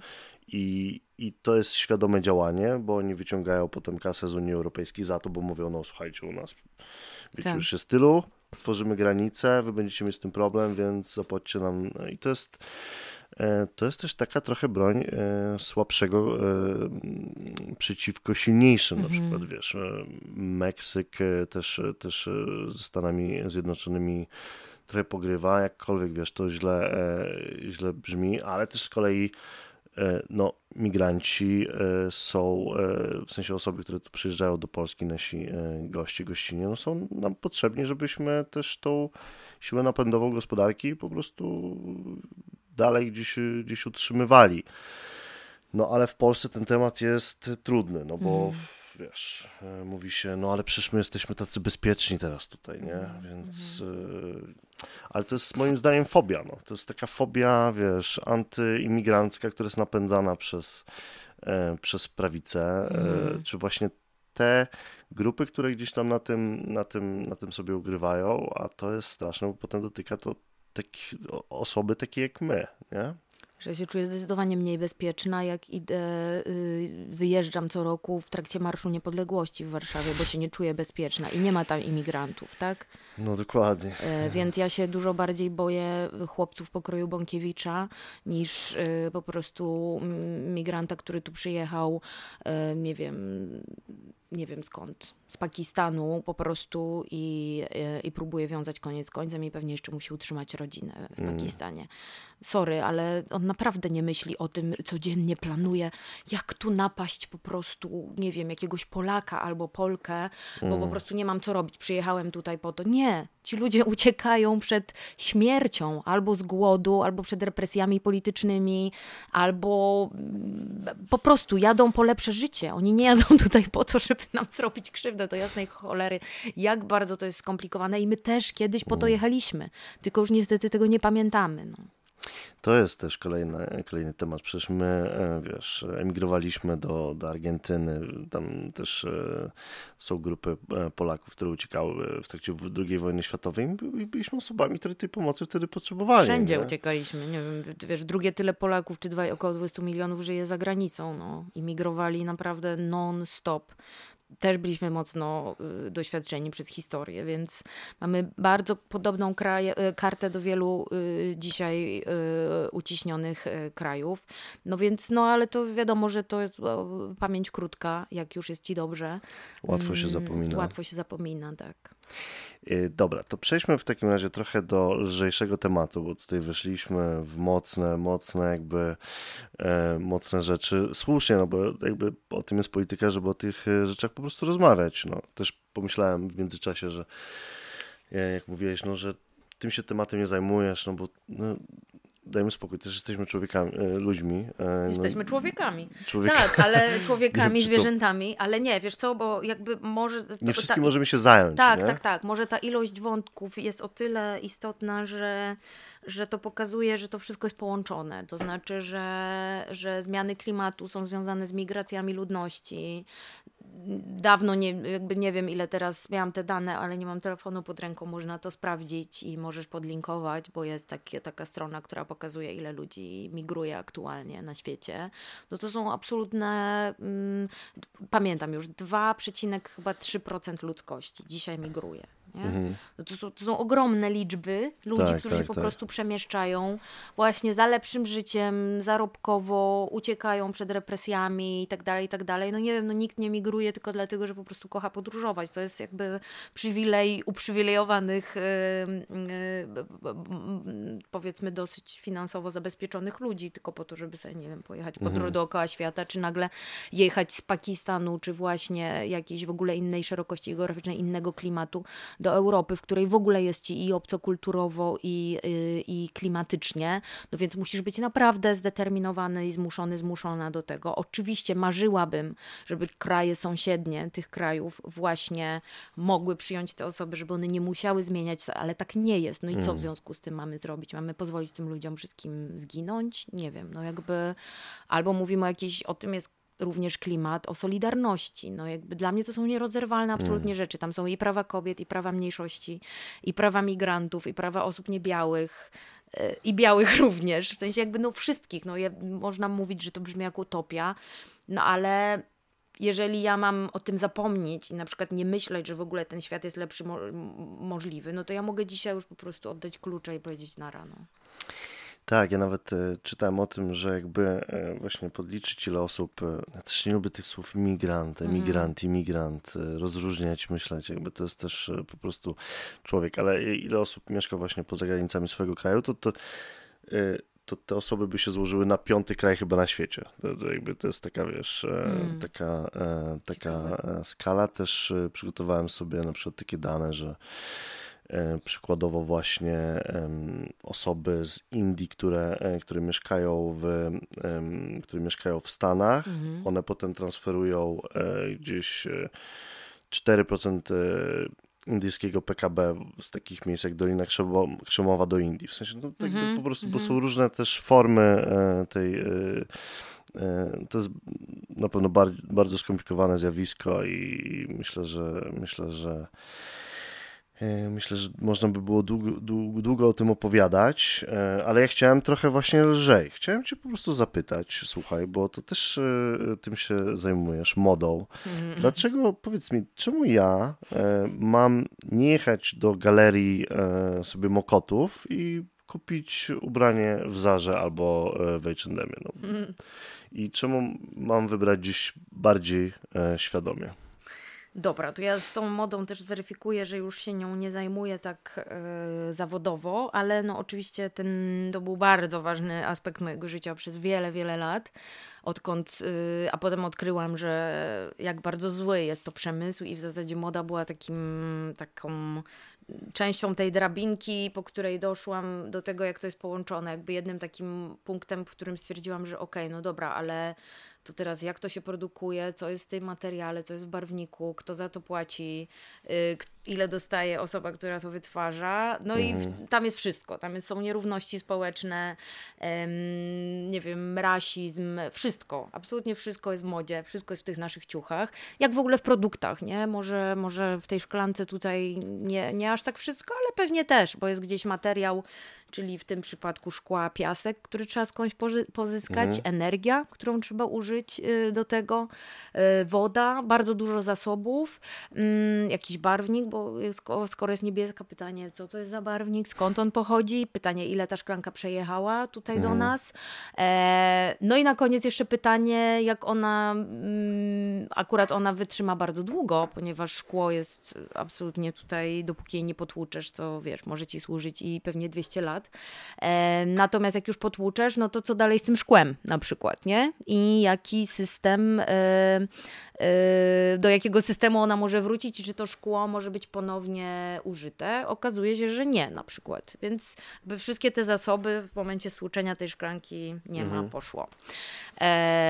Biedna szklanka po prostu sobie leży, a tutaj tak, tak a tu takie rzeczy. różnymi problemami. E, ona nawet nie jest tego świadoma. Nie jest. No jest to, jest to, jest to po prostu, czy tak jak lustro stłuczka i już nie można na przykład tego przetworzyć, nie? Jeżeli to jeszcze jest kolorowe, jeżeli to była zwykła butelka szklana, to tak. Więc w kontekście tej, wracając do tych ciuchów, um, oczywiście znowu, ja też przeszłam długą drogę z tematem y, ciuchów. I teraz na początku w ogóle powiedziałam, nigdy już więcej nie kupię w ogóle nowych ubrań, w ogóle precz z tymi sieciówkami i tak dalej. Nadal tak uważam, ale to jest moja, y, moje postanowienie. Mhm.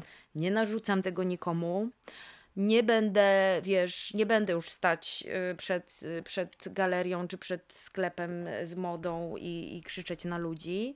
A stałaś? Raz. Miałaś taką po, akcję? Raz, pod... raz, raz. Ale ponieważ, y, ponieważ przede wszystkim dlatego, że Przede wszystkim dlatego, że nie uważam, że to jest tylko nasza odpowiedzialność. Wręcz mhm. przeciwnie, uważam, że ta nasza jest gdzieś tam na samym koniuszku i oczywiście jest to mega ważne, bo te marki rozumieją tylko to, że oni rozumieją tylko pieniądze, czyli dla mnie to głosowanie portfelem już takie oklepane jest ważne. Mhm. To, gdzie ja wydam swoje pieniądze jest dla mnie bardzo ważne. Ja się ubieram prawie no w 99% w drugim obiegu mhm. i nie szkodzi mi to, naprawdę żyję, mam się świetnie od wielu lat z jakąś taką małą przerwą na zachłyśnięcie się, jak wszyscy, świecącymi rzeczami z sieciówek. Plus kupuję y, dobre rzeczy, takie dobrej jakości, takie funkcyjne rzeczy, nie? Buty w góry czy coś, no to mhm. no wiadomo. Ale Wracając do Twojego pytania, dlaczego masz nie iść do galerii i sobie tego nie kupować? To nawet nie chodzi o to, że masz nie iść do galerii i sobie tego nie kupować, tylko zanim to zrobisz, zadaj sobie po prostu parę dobrych pytań. Mhm. Już nawet odkładając na bok to, jak to zostało zrobione, w mhm. jak brutalny bardzo często sposób, jakie tam są w środku barwniki, czerwony, czarny, bardzo często kancerogenne barwniki, powodujące nawet raka, mamy mhm. skórę, pory, ogromny organ, który oddycha, okay. wchłania sobie to wszystko. Jeżeli ten, ten, ten, ten materiał nie ma tego certyfikatu, nie wiem, nie ma GOTSa, nie ma Ekoteksa, bo jest kilka takich, Czyli co, my nosimy ważnych. na sobie rzeczy, które mogą nam spowodować normalnie raka? Tak. Okej. Okay. Nie mówię, że każda rzecz, mhm. Mm, też do pewnego stopnia może jest już więcej tych regulacji, jakichś kontroli, że to się gdzieś tam powiedzmy trochę zmieniło, no ale na pewno nie polecam kupowania udających jedwab, nie wiem, poliestrowych e, koszulek, takich wiesz, satynowych, hmm. co dziew które dziewczyny, nie wiem, do spania sobie kupują. To jest czyste paliwo, no jakby ci ktoś pokazał, jak to powstaje i że to jest ta sama ropa, którą sobie wlewasz do samochodu, tylko inaczej przetworzona, no to nie wiem, czy ci się będzie w tym milutko spało i, i, i, i, e, i wiesz, i cały czas masz to przy ciele. Tak, to jest tak, po prostu tak. torebka foliowa, tylko trochę inaczej wyglądająca e, pomijam wykorzystywanie ludzi, dzieci pracujące nielegalnie w tych fabrykach, to nie są dane sprzed 10 lat, tylko sprzed roku.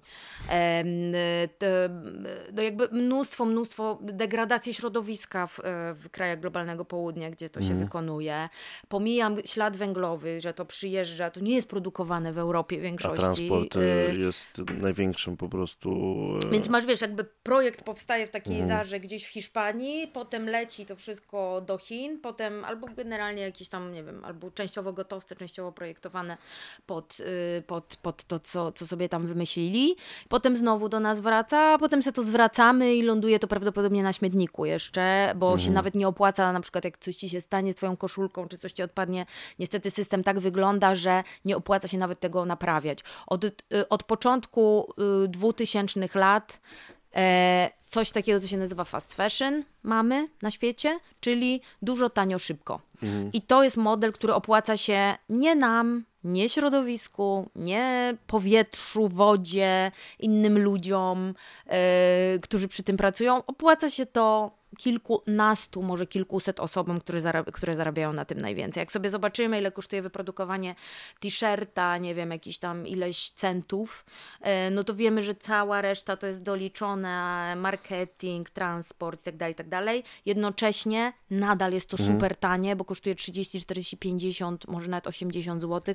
Prawdopodobnie, żeby ktoś za to dostał godziwą płacę i pokryte były wszystkie koszty produkcji i transportu, powiedzmy, że ten t-shirt powinien powinien kosztować co najmniej, nie wiem, 100 zł. No i teraz znowu, kogo na to stać, przecież nas nie stać. Niestety jest też tak, to jest też znowu jakieś takie wyobrażenie, które mamy, że ludzie mniej y, zasobni y, kupują bardzo dużo też taniej mm. mody i płacą więcej za ciuchy niż gdyby sobie kupili, wiesz, jakby nie, nie, no tak, nie myśląc tak, tak. trochę o tym, bo wydają jednostkowo więcej wiele razy, to się nawet nazywa w ekonomii. Yy, yy, podatkiem od biedy, czy coś takiego, nie? Nie pamiętam, wiesz co, znowu do sprawdzenia, ale jest, taki, jest, takie, jest takie pojęcie, które to określa, że wydają więcej, więcej pieniędzy na te pojedyncze małe zakupy, na coś bardzo niskiej jakości. I ja teraz znowu w ogóle nie, nie byłabym, nie miałabym, nie mam żadnego moralnego prawa, mhm. żeby kogoś za to, y, nie wiem, na kogoś o, o to krzyczeć. I to nie jest nasze nasz obowiązek, żeby teraz patrzeć przez lupę i sprawdzać każdą rzecz. Ja to będę robić, mhm. ale z drugiej strony wiem, że większość osób nie będzie tego robić i ja nie mogę za to tych ludzi karcić. Natomiast oczywiście są, jeszcze raz powtórzę, pewne pytania, które możemy sobie zadać, pomijając już całą tą obrzydliwą produkcję, yy, obrzydliwych barwników, transportu, yy, pracujących dzieci, matek, które przychodzą z tymi dziećmi, te dzieci śpią na podłodze, w, w, w, bo one pracują cały czas i w zasadzie jedyne, na co im starcza, niedawno znowu w Birmie były, były protesty, ponieważ te marki w pandemii albo nie płaciły, albo nie są w stanie płacić, oni chcą płacić tylko minimalną płacę i ludzie walczą o podwyżkę do powiedzmy w takiej Birmie 800 zł miesięcznie. Mm. 800 zł miesięcznie, gdzie koszty życia, dobrze wiemy, nawet w Polsce skoczyły tak ostatnio, że to nie jest tak, że w Birmie po prostu 800 zł to jest, nie wiem, odpowiednik naszych 8 tysięcy mhm. w Polsce. Nie. Okazuje się, że, że, że to nawet nie starcza na, na, na, nie wiem, na porządne jedzenie, a co dopiero na to, żeby skorzystać ze służby zdrowia, czy, czy nie wiem, czy transportu publicznego, czy, no wiesz, no to są po prostu jakieś podstawowe rzeczy, mhm. których potrzebujesz do życia, nie tylko tego, żeby przetrwać. My lubimy mówić, że no dobrze, to jeżeli nie będziemy produkować tych ubrań, to ci ludzie zginą i nie będą nic zarabiać. A chciałabyś zarabiać tylko tyle, żeby przeżyć? Tak totalnie, żeby przeżyć, żeby po prostu nie umrzeć. Nic mhm. więcej, nic ponadto, bo ja nie.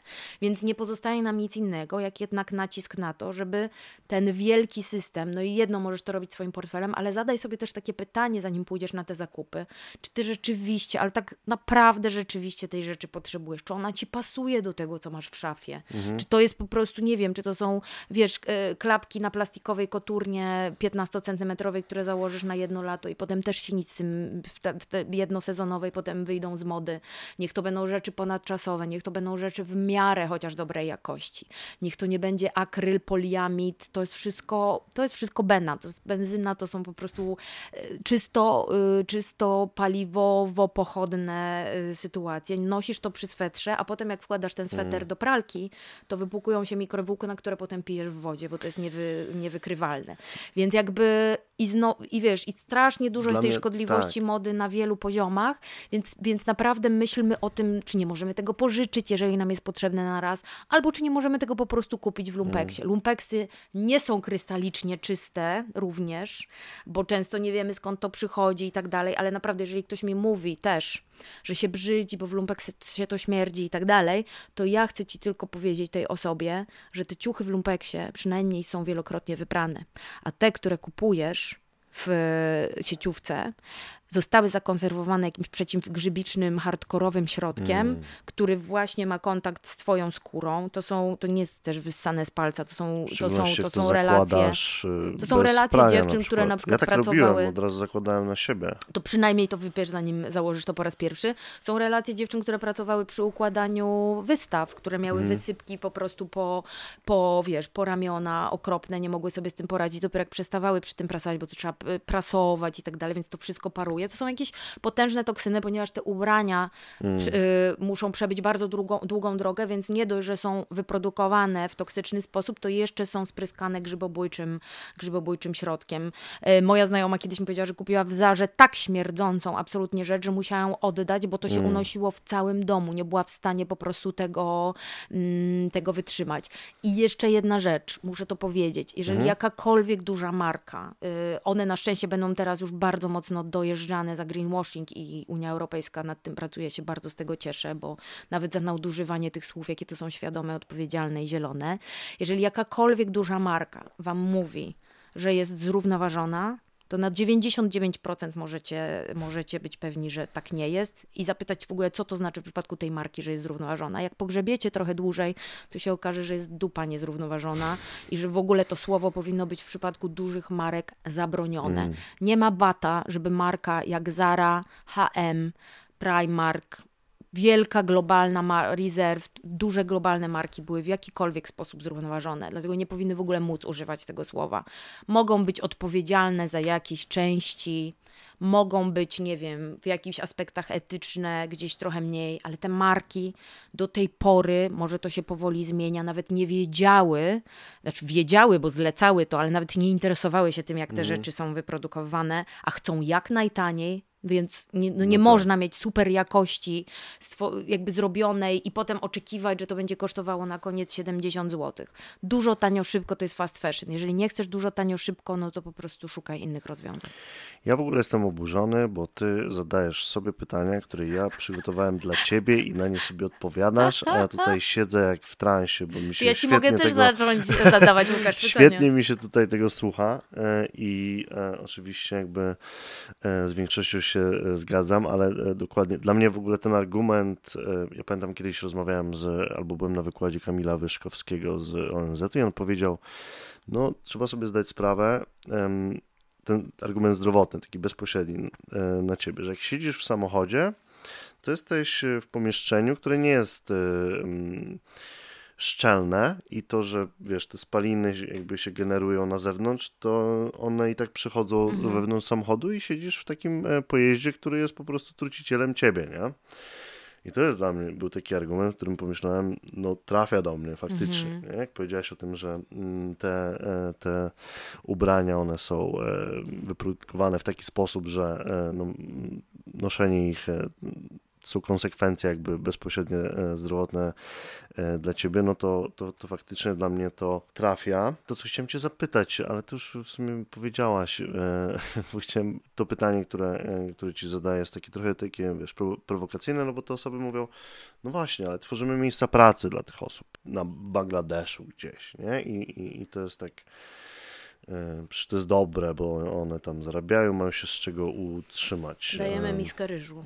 No. White savior po prostu. Znaczy, no i wiesz, jakby ja, ja już tyle takich dróg przeszłam myślowych w tym i tyle pytań w tym tam, w kontekście mhm. właśnie mody słyszałam, że no wiesz, jakby no nie, no no, no, w jakimś sensie oczywiście te osoby pracują w tym sektorze, no ale jeżeli ten sektor się nie zmieni, no to mamy jakąś współodpowiedzialność na rękach za to. To znaczy, okej, okay, ja teraz nie będę każdej osoby za to ścigać, ale chodzi mi o to, że jeżeli decydujesz się już wydać w tej czy innej marce swoje pieniądze, to bądź tego świadomy, świadoma, nie? że mm. dokładasz się do jakiegoś naprawdę yy, potężnego okrucieństwa albo jakiegoś częściowego, ale w tym sensie, że i wiesz, i wykorzystywaniu i znowu w tym sklepie tego nie widać. To znaczy bardzo bym chciała, to jest takie moje marzenie, że naprawdę y, każda metka ma na odwrocie z tyłu, czy, czy, czy tutaj,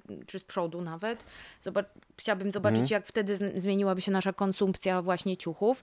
Wszystkie koszty środowiskowo-ludzkie wypisane, ale, tak, mhm. ale tak szczerze.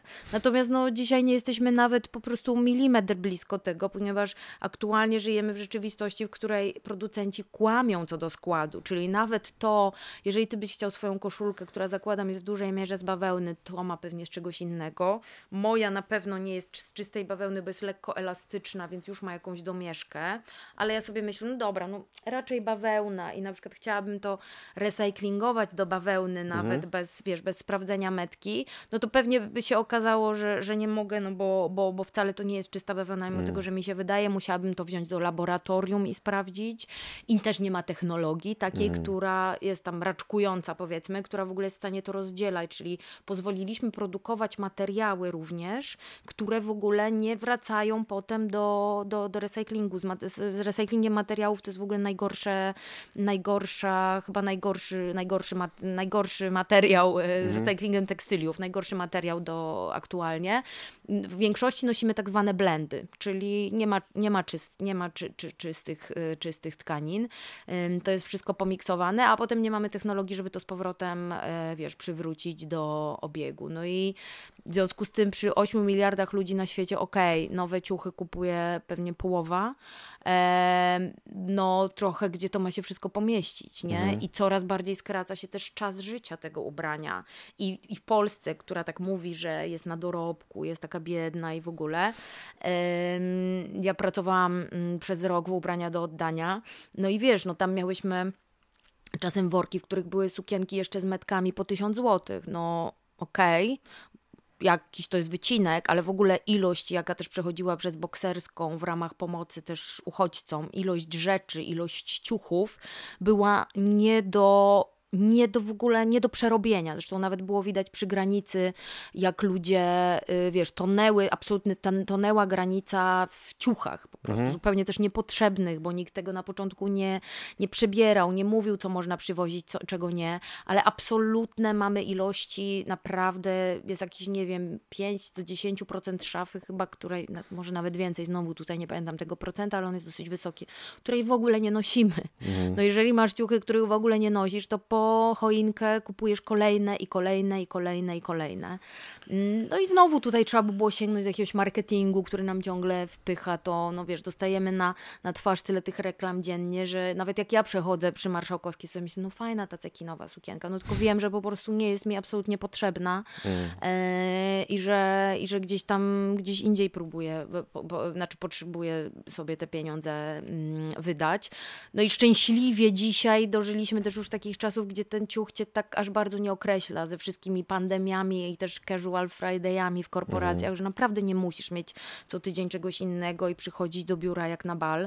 Um, więc, więc naprawdę jest duża większa możliwość tworzenia sobie kompaktowej szafy. Jeżeli ktoś na przykład nie lubi zakupów, ale nie wiem, albo niekoniecznie się też tą modą jara, ale lubi czasem mieć, wiesz, fajne rzeczy, to skup się przynajmniej na jednym kolorze albo dwóch, żeby, żeby to mhm. było dobrze łączyć i skup się na, na takich jak najbardziej naturalnych materiałach. Jeżeli już, to niech to będzie bawełna, już takie naprawdę podstawy, może len, e, okej, okay, len się gniecie, dobra, może nawet wiskoza, bo to przynajmniej drzewa, tensel, kupro, takie rzeczy po prostu starajmy się przynajmniej wybierać i albo drugi obieg, albo te mniejsze marki gdzieś tu polskie, które mhm. przynajmniej wiemy, że ten kapitał tu zostaje i dajemy pracę komuś, która nie jest jest głodową pracą i gdzieś tam powiedzmy jest to nie taka duża firma, a te ceny wcale nie są aż tak dużo wyższe, mm. natomiast ja po jakości absolutnie rzeczy polskich marek niektórych nie wiem, no ja mam latami i, i prawie nic się z nimi nie dzieje, nawet się nie spiera barwnik, więc, mm. więc, e, więc też jakby nie obniżają tej jakości po to, żebyś więcej kupował. No właśnie chciałem cię zapytać e, w takim razie, gdzie mogę, e, gdzie kupujesz albo gdzie właśnie, gdzie mogę pójść kupić i, i też w ogóle e, twój e, odcinek podcastowy o greenwashingu słuchałem przed naszą rozmową, mm. który no już chyba jakiś czas temu, bo tak, to chyba w lutym tak. nagra, nagrałyście. No są też firmy, które to robią trochę lepiej chyba, mm -hmm. tak? Mm -hmm. Ja przynajmniej tak. zaczytywałem się w case Patagonii mm -hmm. i zastanawiałem się właśnie, czy, czy to jest to jest taki greenwashing, ten cały mm, dookoła niej, mm, dookoła niej właśnie e, ten vibe taki, że, że, że oni wspierają, czy, czy to faktycznie e, robią? Wiem o tym, że mają swój fundusz e, taki, który wspiera zrównoważony rozwój, ale chyba z tego co wydaje mi się, że ty y, chyba dobrze się e, o tej firmie e, wypowiadałaś. Wiesz co, tak, do pewnego momentu, aczkolwiek ja nie, też nie, nie żeby nie wylewać dziecka z kąpielą, to to jest jednak pionier y, takiego myślenia y, bardziej odpowiedzialnego. No też nie tak dawno y, właśnie, tak jak, tak jak wspominasz, oni przeznaczyli y, bardzo dużą część na ratowanie planety, no i też zajmują się tam organicznym rolnictwem, Yvonne Chinard, organicznym rybołówstwem. Ta marka też walczyła o, o niestawianie tam na rzekach. Bardzo mają taką długą, długą, głęboką kartę tego, tej swojej działalności, bycia taką mhm. marką aktywistką. Aczkolwiek w zeszłym roku wypłynęły informacje o tym, że Patagonia produkuje w tych samych fabrykach to Primark. To było takim dużym ciosem, myślę, dla wielu osób, które się tymi tematami y, zajmują. Natomiast ja, tak jak mówię, nie zapomniałabym tej, y, wiesz, jakby to nie kasuje, mhm. nie kanceluje i nie kasuje tego, co robiła do tej pory i jaką ma naprawdę grubą kartę i dbania o swoich pracowników i jakichś przedszkoli zakładowych i bycia w miarę płaskiej strukturze, czy nie wiem, trochę turkusowej i bycia no na wielu, wielu poziomach, sorry, ale chciałabym, żeby nie, większość marek były chociaż w 10% takie, y, więc, więc tak. Natomiast znowu jest dużą też marką i no i nie cieszy mnie to, że produkuje w tych samych fabrykach co Primark. Mm, ja też Patagonii nie przeceniałabym w tym sensie, że, mm, że jest to znowu jednak marka dla bardzo wybranych osób, ponieważ te rzeczy są drogie. Mm. Mówmy się, ja mam, ja chyba mam jedną rzecz, dwie, torbę podróżną i nerkę i też kupiłam tą, tą nerkę na przykład w drugim obiegu bo to są też rzeczy, które trzymają bardzo długo jakość, nie? Mm. Nie wszystkie chyba, ale akurat te moje dwie są niezniszczalne. Mm. Okazało się, że są z recyklingu też, więc moje, one są takie jak z banerów po prostu wyprodukowane, więc ja wiem, że będę miała to do końca życia. E, i, e, I tak, i super, i naprawdę mocne, i mega wygodne. No wszystko tam się zgadza. Natomiast ja bym Patagonii nie przeceniała, no bo po prostu znowu to jest dla wybrańców, czyli to jest, wiesz, tak jak, no nie wiem, byś komuś powiedział, jedz, jedz do końca życia sushi, bo ono jest po prostu zdrowe. No, mm. no nie da rady, tak? Bo na sushi będzie stać bardzo niewiele osób. I tak jest z Patagonią. Ale tak, rzeczywiście ta marka zrobiła bardzo dużo dobrego. Y, totalnie polecam książkę, która jest taką trochę biograficzną książką Iwona Shinarda Let My People Go Surfing. I tam bardzo dużo zdradza. Też, oni się też bardzo dzielą tą wiedzą, tą wiedzą, którą pozyskali. I jakoś do tej pory, mimo tego, co wiemy od zeszłego roku i o tym, o tym, o tej fabryce, nie ma takiej drugiej marki ciuchowej, moim zdaniem, której udałoby się ten model mhm. skopiować, czyli to jest niesamowite, że, że tym markom udaje się kopiować, wiesz, naj, projekty od małych projektantów, kraść własność intelektualną, Zara jest w tym mistrzynią na różne sposoby, a jednocześnie jakoś, kurde, kopiowanie dobrego modelu pracy i, i jakiegoś takiego, wiesz, funkcjonowania marki, która myśli o people, planet, profit. Mm.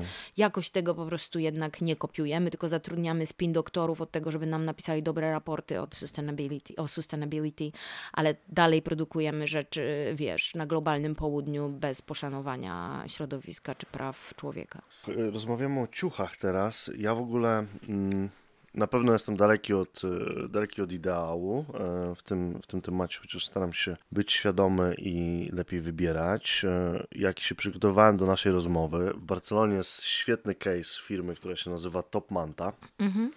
Topmanta to jest w ogóle takie sformułowanie na, na imigrantów, którzy kładą dywan na ulicy i sprzedają swoje ciuchy. E, jest chłopak, e, u którego e, wśród aktywistów, którzy przyjechali do nas z Polski z Emiotenu, zaprosiliśmy właśnie, bo ja chciałem się z nimi spotkać w Primarku, bo to jest chyba. Nie, nie, y, w galerii handlowej niedaleko Primarku, ale e, mój znajomy powiedział, że nie ma mowy, nie idziemy tam, e, spotykamy się, zaczynamy naszą drogę, spacer taki po Barcelonie od, e, od sklepu Topmanta. On jest założony przez takiego właśnie mm, chłopaka, który jest aktywistą, jest czarny, chyba pochodzi, nie, nie wiem z jakiego kraju, jest z Afryki, i, ale właśnie jakby mm, mówi o, o, o, tym, że wiesz, Nike, Adidas, e, e, w jaki sposób one, one produkują swoje ubrania. E, ma swój własny sklep, ma swoje własne ciuchy i pojechałem tam, kupiłem, kupiłem parę butów u niego, co jest, to było takim dla mnie elementem, nie, nie jadę na żadne zakupy świąteczne do galerii handlowej, jadę tam i, i, i tak zrobiłem. On w ogóle też jest aktywistą, wypowiadał się na, na, na forum ONZ, mhm. bardzo prężnie działa, jak ktoś nas słucha, to polecam e, sprawdzić. Albo właśnie może lokalnie, jak mówiłaś, nie? Pójść sobie i e, kupić u pani, która gdzieś prowadzi mniejszy, mniejszy sklepik.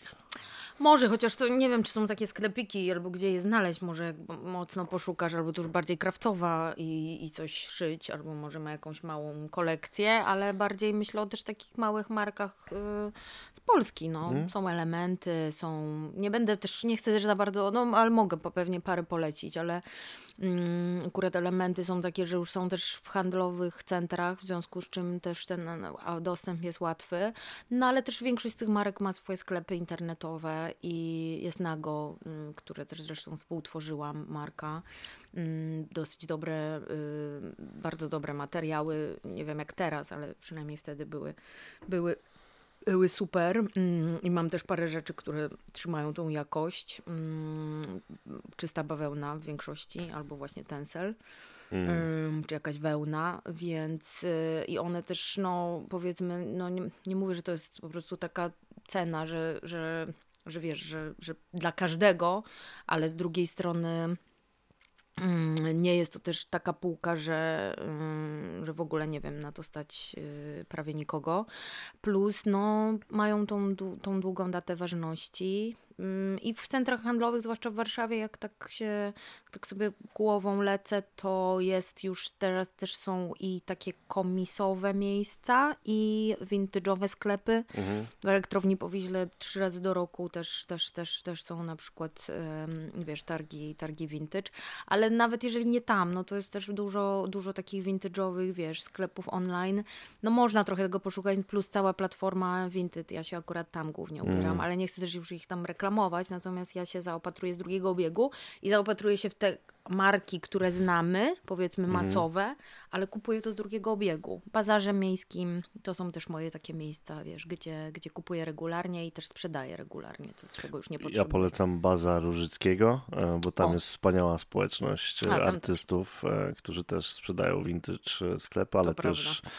szalone po prostu różne e, rzeczy i no, świrusy w pozytywnym tego słowa znaczeniu Różnic, tam, tak, tam są. Też, też, też różec, więc, e, więc tam. I to też jest fajne w ogóle pójść do takiego miejsca i poczuć w ogóle klimat, e, wiesz, poczuć historię, porozmawiać ze sprzedawcą, sprzedawczynią, wiesz, mm -hmm. i, która to prowadzi, poznać te osoby, nie? To Totalnie jest taki tak. zajebisty element moim zdaniem. Wrócę do aktywizmu, e, bo chciałem cię zapytać jeszcze, kto? Czy jakiś aktywista, czy jakaś aktywistka, czy może jakaś książka cię inspiruje? Jak myślisz właśnie o swojej, swojej drodze, to kto, kto ci przychodzi do głowy? Wiesz co, ja myślę, że na różnych etapach to były bardzo różne osoby i, ym, i w różnych dziedzinach to są też różne osoby, czyli jakbyśmy nie wiem, mieli, mieli porozmawiać o, o tym, co się dzieje dzisiaj w Palestynie, to pewnie to będzie irlandzka polityczka, europarlamentarzystka Claire Daly, a jeżeli będą to zielone tematy, to może bardziej Terry Reintke, czyli przewodnicząca Zielonych, mm, ale bardzo długo byłam pod wpływem takiego no, potężnego uroku i jakiejś takiej nowej jakości Aleksandry Ocasio-Cortez, która weszła po prostu przebojem do amerykańskiego kongresu, ale też Jacinda Arden, mówię teraz mm. o mhm. polityczkach, takich wiesz, kobiet, które rzeczywiście obejmują um, obejmują to swoje przywództwo nie po męskiemu, tylko mhm. tak jak po prostu czują i, i to jest fajne i nie udają kogoś, kim nie są. Może udają, ale ja tego nie widzę. Yy, wydaje mi się, że jest w tym dużo szczerości ale też na różnych etapach różne osoby. No, taka Patagonia była dla mnie też potężną inspiracją w tematach mody i tego, co tam zrobił i, i Yvon Chouinard yy, i jego yy, przyjaciel. Yy, w pewnym momencie wspólnik, a potem, y, a potem, a potem, y, a potem już on miał najpierw swoją markę, potem wszystko sprzedał i, i zaczął wykupywać tereny Patagonii w Ameryce Południowej, mm, czyli Doug Tompkins na mhm. przykład. Jak sobie o, nich, o nim oglądałam filmy, to byłam absolutnie pod ogromnym y, wrażeniem. Mm, nie wiem, dzisiaj właśnie taki Gabor Matek, który mówi bardzo dużo znowu o Palestynie, o, o syjonizmie i mm. o tym, jak, jak, jak y, o byciu w ogóle ofiarą i powtarzaniu tego, tego, tego vicious circle tak zwanego, tego okropnego, zaklętego modelu. E, I on jest właśnie takim, powiedziałabym, aktywistą od, od, od, y, od traum i bardzo dużo o tym mówi, bardzo dużo edukuje. Mm, w pewnym momencie taką książką była dla mnie mocno przełomową Nadzieja w mroku i Rebecca Solnit jest dla mnie taką aktywistką, wiesz, pisarską.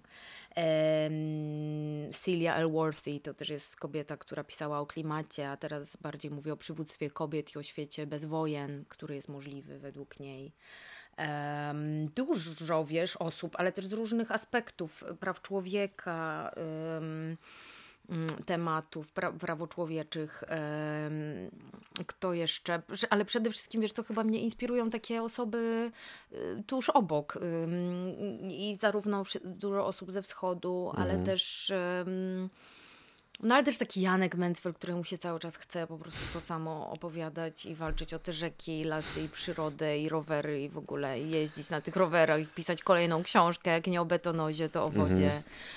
Bardzo, bardzo dużo osób. Daniel Petryczkiewicz, też taki aktywista, można powiedzieć, fotograf, którego poznałam, jak w zasadzie dopiero mu się zaczyna, zaczęła ta zajawka, a on po prostu postanowił się zaopiekować i być takim strażnikiem rzeki Małej w Konstancinie, która płynie obok jego domu i jest codziennie nad tą rzeką, dba tam o bobry, yy, zbudował tam też taką fotopułapkę, żeby, mm. nie pułapkę, tak się mówi, fotopułapkę, no zdjęcia, że tam, wiesz, mm -hmm. jakiś monitoring, że wie w ogóle i tych bobrów jest, że teraz już jest para, czy tam trójka e, i na maksa walczy o tą rzekę cały czas i, mm. i, i jak ją zalewa, to kręci film, jest tam codziennie, absolutnie absolutnie po prostu jest codziennie z psem na spacerze i, i w pewnym momencie sprawił, że ta rzeka się stała najsłynniejszą rzeką w Polsce. Siostry Rzeki, kolektyw, który absolutnie uwielbiam, yy, założony przez Cecylię Malik z Krakowa, która, która mówi, wiesz, która po prostu, mhm.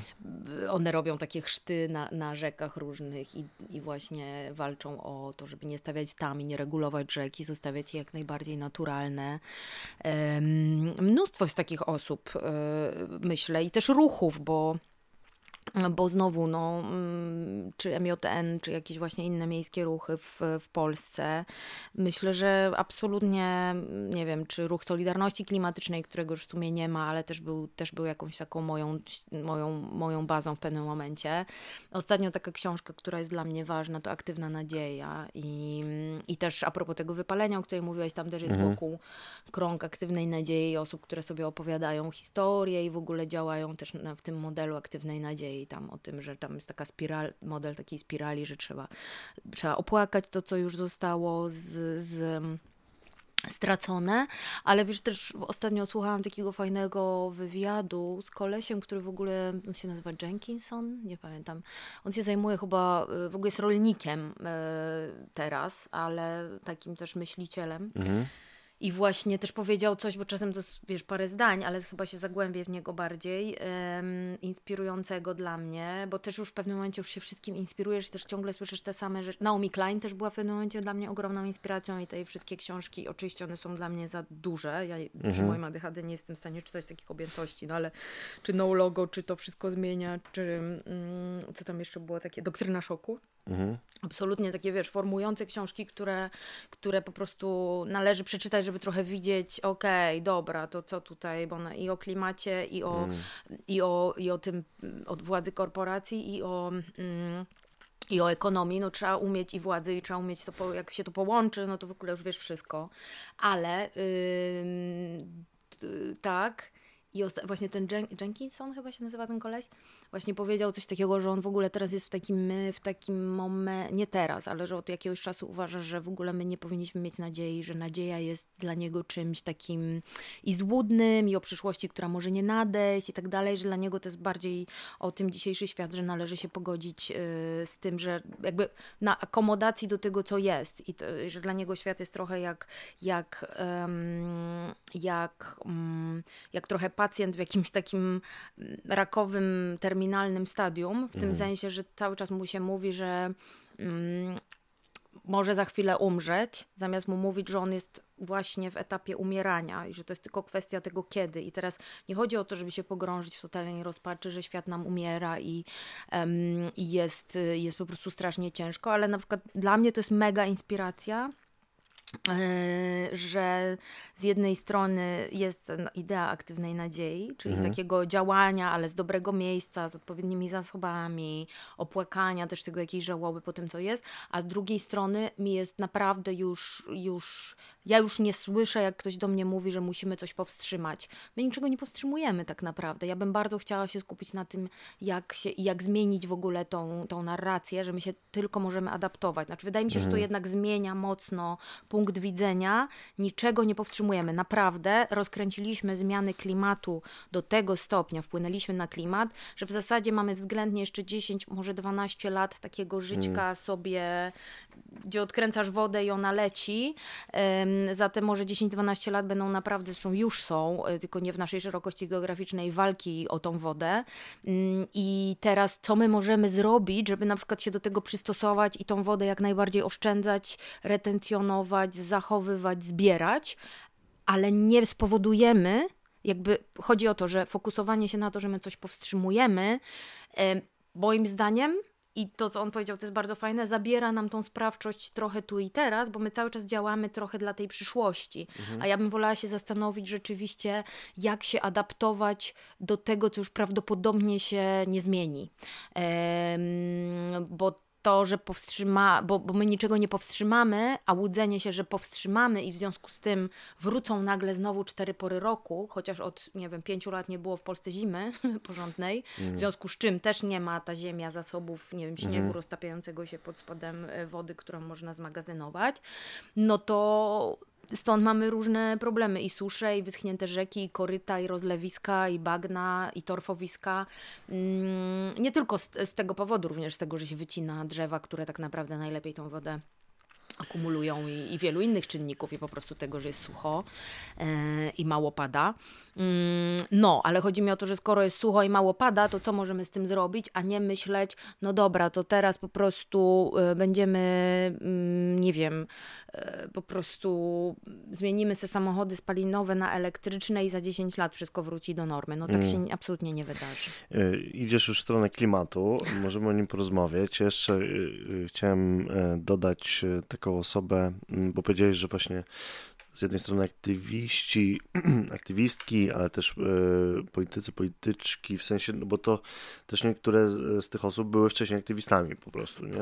Mnie inspiruje, no znowu Hiszpania, ale tam siedzę, wybaczcie mi, Ada Colau, która e, była aktywistką, e, okupowała, okupowała bank w Hiszpanii, żeby pokazać swój sprzeciw wobec nierówności, które, które miały miejsce po kryzysie finansowym, a potem przez 8 lat e, to Barceloną rządziła. Mm. I to jest taka dla mnie historia, że mm, można zmienić mm-hmm. te władze, no i, i, to z takiego poziomu ulicy. Więc tak. to, jest, to jest dla mnie. Mm, to jest dla mnie właśnie ciekawa e, historia. E, no mówisz o klimacie, no to faktycznie o nim pogadajmy chwilę. Ja mnie na przykład, e, no bo ja lubię po prostu krytycznie też spojrzeć e, na siebie, na nas jako Zachód. E, no, Chiny są chyba największym producentem gazów cieplarnianych, ale z kolei jeśli spojrzy się na, na emisję na osobę, no to tam już jakby to, to, to wygląda o wiele lepiej i wtedy już to Zachód wychodzi na, na tego największego emitenta. I, i, i to, jest, to jest y, problem. No plus Chiny jednocześnie są największym pionierem zmian w, tym, w kierunku zielonym, ponieważ oni naprawdę w momencie, kiedy jest też o tym, że my sobie dyskutujemy, spotykamy się na szczytach, które niczego nie wnoszą, oni po prostu robią. No. Ale no też jest to okupione tym, że no nie ma tam demokracji mm. po mhm. prostu, więc e, wszystko to jest bardziej skomplikowane. Czy ten szczyt to był między innymi niedawny szczyt w Dubaju, który tak. ci przyszedł do, do głowy, COP? No pewnie tak, ale nie powiem ci, co tam ostatecznie, bo tu się nie przygotowałam, co tam ostatecznie zostało... Yy osiągnięte, y, więc możemy, no te poprzednie tak naprawdę, wiesz, tak naprawdę nawet nie jesteśmy w stanie dochować y, mm, postanowień z Paryża, bo mhm. mieliśmy się zatrzymać na, na, na półtora mm, stopnia. No i dupa. Wiemy, że to już raczej na podstawie raportu IPCC, który wyszedł w tym roku, zresztą jest regularnie update'owany, czyli tego takiego najważniejszego e, mhm. podmiotu odpowiedzialnego, to się tłumaczy intersectional, coś tam, coś tam. znajdziecie sobie po prostu, ja nigdy nie wiem, czy intergovernmental, przepraszam. Generalnie takiego mhm. po prostu, takiej matki wszystkich naukowców i naukowych różnych, e, takiej grzy, matki grzybni, ja na to mówię na IPCC, mm, z całego świata złożony z naukowców, którzy po prostu na bieżąco się zbierają i wydają siedmiu, nie wiem, kilkunastu chyba tysięczne raporty i z tego jest mhm. taki zawsze skrót, no to IPCC mówi, że raczej nie mamy już szansy na, na, na zatrzymanie się na tym półtora stopnia. Mm, bardziej może to być dwa. No i teraz znowu mówimy o trochę abstrakcyjnych rzeczach. Nie mamy teraz czasu już na to, żeby mówić, jak może się zmienić powierzchnia planety i nasze życia, jeżeli podgrzejemy to jeszcze o dwa stopnie. Mm, jak bardzo niektóre części świata będą niezamieszkiwalne, jaki to powoduje w ogóle chaos, głód, mhm. E, biedę, imigrację po raz kolejny. No jakby koło się zatacza. To jest taka no niebieska bo... piłeczka i wszystko się po prostu jednak tutaj nie jest tak, że jesteśmy w stanie się, to mówi zawsze Marcin Popkiewicz, że nie chciałby być na miejscu tych, którzy będą podejmować decyzje, czy strzelać, czy nie strzelać, jak na przykład do Europy przybędzie nagle, nie wiem, mhm. pół miliarda migrantów. E, I co wtedy zrobimy, nie? Jak, jak duży mur będziemy musieli zbudować, mhm. żeby żeby bronić się przed taką ilością na przykład głodnych ludzi. I, mm, i to jest po prostu coś, co, co wiesz, co, nad czym należałoby myśleć i to pokazuje też, jak bardzo te rzeczy są ze sobą mm, powiązane, no i że no i tak, no.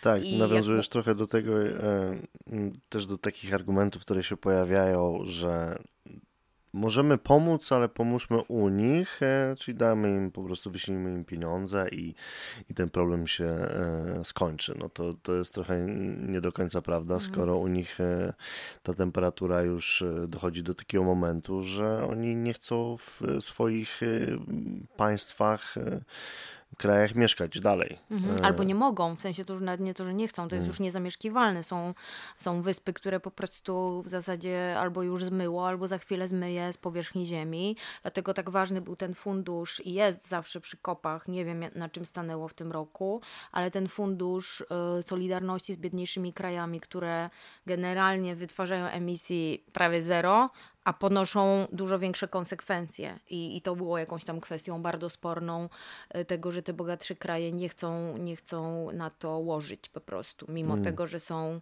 przy, jakby no, są bezpośrednią przyczyną tego, że, że, że tych krajów, nie wiem, malutkich czy małych wysepek może za chwilę w ogóle nie być na, na ziemi, więc, więc te, te, no ale jakby... Ja też e, drugi raz wspomnę o nim. Prawo e, bogatszego. Tak, tak, tak. Ja też e, jak rozmawiałem z e, Kamilem Wyszkowskim z ONZ-u, e, to pamiętam, on e, stwierdził, że tak naprawdę my mamy rozwiązania na, na problemy, które sami powodujemy, natomiast y, jedynie nie przekierowujemy funduszy we właściwe miejsca, bo gdybyśmy przekierowali na obronność tyle, ile, ile, ile poświęcamy właśnie czyli zamiast obronności, e, gdybyśmy wydawali te pieniądze na walkę z przeciwdziałaniu e, tych, tych negatywnych e, konsekwencji, które, które są spowodowane przez naszą działalność mhm. człowieka w aspekcie klimatu, no to te problemy po prostu po naszej stronie z, zniknęły. Mm. Mamy pieniądze, mamy rozwiązania, nie mamy po prostu liderów i liderek politycznych, którzy by to wprowadzali. Plus mm. dobrze wiemy, że dzisiaj liderzy i liderki polityczne i w ogóle polityka jest tak nierozerwalnie związana z biznesem i korporacjami, że to nie są ludzie, którzy tak realnie do końca podejmują te decyzje. No i to jest w ogóle tak gruba rzecz, tym zakończmy może. W sensie wydaje mi się trochę nie, nie, nie że nierozwiązywalna, bo jakby nadal mm, znowu są te działania, które można podejmować, challenge'ować, głośno krzyczeć o czymś, zadawać pytania, iść jednak po tą władzę, po to przywództwo i, i robić te działania czy lokalne, czy ogólnonarodowe, czy, czy globalne.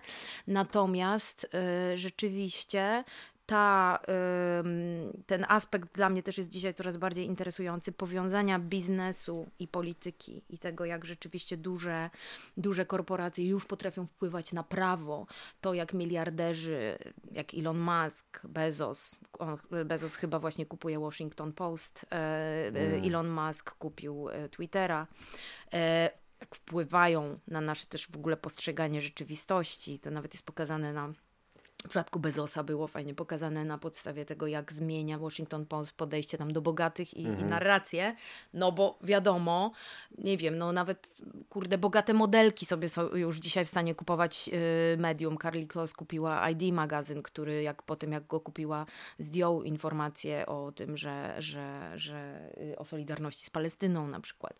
No i wiesz, to mega mhm. wpływa na, na, na, na, na bardzo wiele rzeczy, na legislację, na, na dostęp do informacji, jesteśmy w coraz bardziej takim pokruszonym świecie, to znaczy nam się coraz bardziej kruszy ten obraz świata i widzimy, że to nie jest takie proste. Z drugiej strony władze konsolidują te szeregi Mhm. i powodują, że jeszcze, jeszcze trudniej nam jest z tym walczyć i coś zmienić, ale też trochę nie ma innego wyjścia. No, Mhm. Znowu, można oczywiście zamknąć oczy, spuścić kark i, i, i żyć w tym wszystkim i mówić sobie, no jest w miarę okej, jakoś to przeżyję. No i myślę, że właśnie aktywizm jest o tym, że, że, że, że tak nie ma, że się na to nie będzie godził, więc kochajcie aktywistów. Pięknie, pięknie, e, pięknie tutaj powiedziane. E, ja jeszcze ostatnia rzecz, już kończymy, ale e, też e, tutaj zabrałem ci telefon po to, żebyś nie postowała relacji w międzyczasie, bo wiem, że je robisz, e, że ich jest sporo u siebie na, inst- na Instagramie, ale te relacje ostatnio są e, o Palestynie i tą Palestyną chciałbym zakończyć. Y, ponieważ tak pomyślałem, że właśnie z naszą rozmową będę udostępniał e, może jakieś miejsca, e, do których e, mam przekonanie, że warto wpłacać pieniądze, są zweryfikowane. I, i, I to jest taki też mój cel, żeby właśnie z tą rozmową promować em, em, miejsca, w których e, które możemy e, po prostu zapłacić pewne pieniądze. No ale chyba no, dzieją się tam dramatyczne rzeczy. E, Ja się zatrzymałem na 17-19 tysiącach e, ofiar e, Dzisiaj tej 20, wojny. Wczoraj, jak to sprawdzamy, 26 i 605 ofiar, łącznie z tymi, których nie znaleziono, w tym 10 305 dzieci. I, i, I sam fakt właśnie, że, że my chyba za mało temu e, poświęcamy e, też czasu. e, Ty o tym wspominasz, wiele innych osób oczywiście.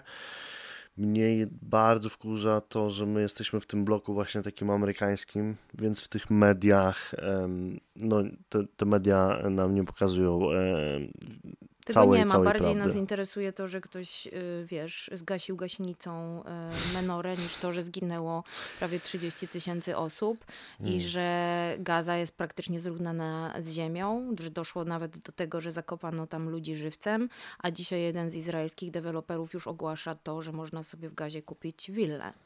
E, więc dzieje się to tam, co się dzieje od 75 lat, czyli czysty klasyczny apartheid polegający na pełnej kontroli, banowaniu rzeczy od kolendry przez czekoladę, po kolorowanki, zeszyty, książki, alkohol, nawet suknie ślubne.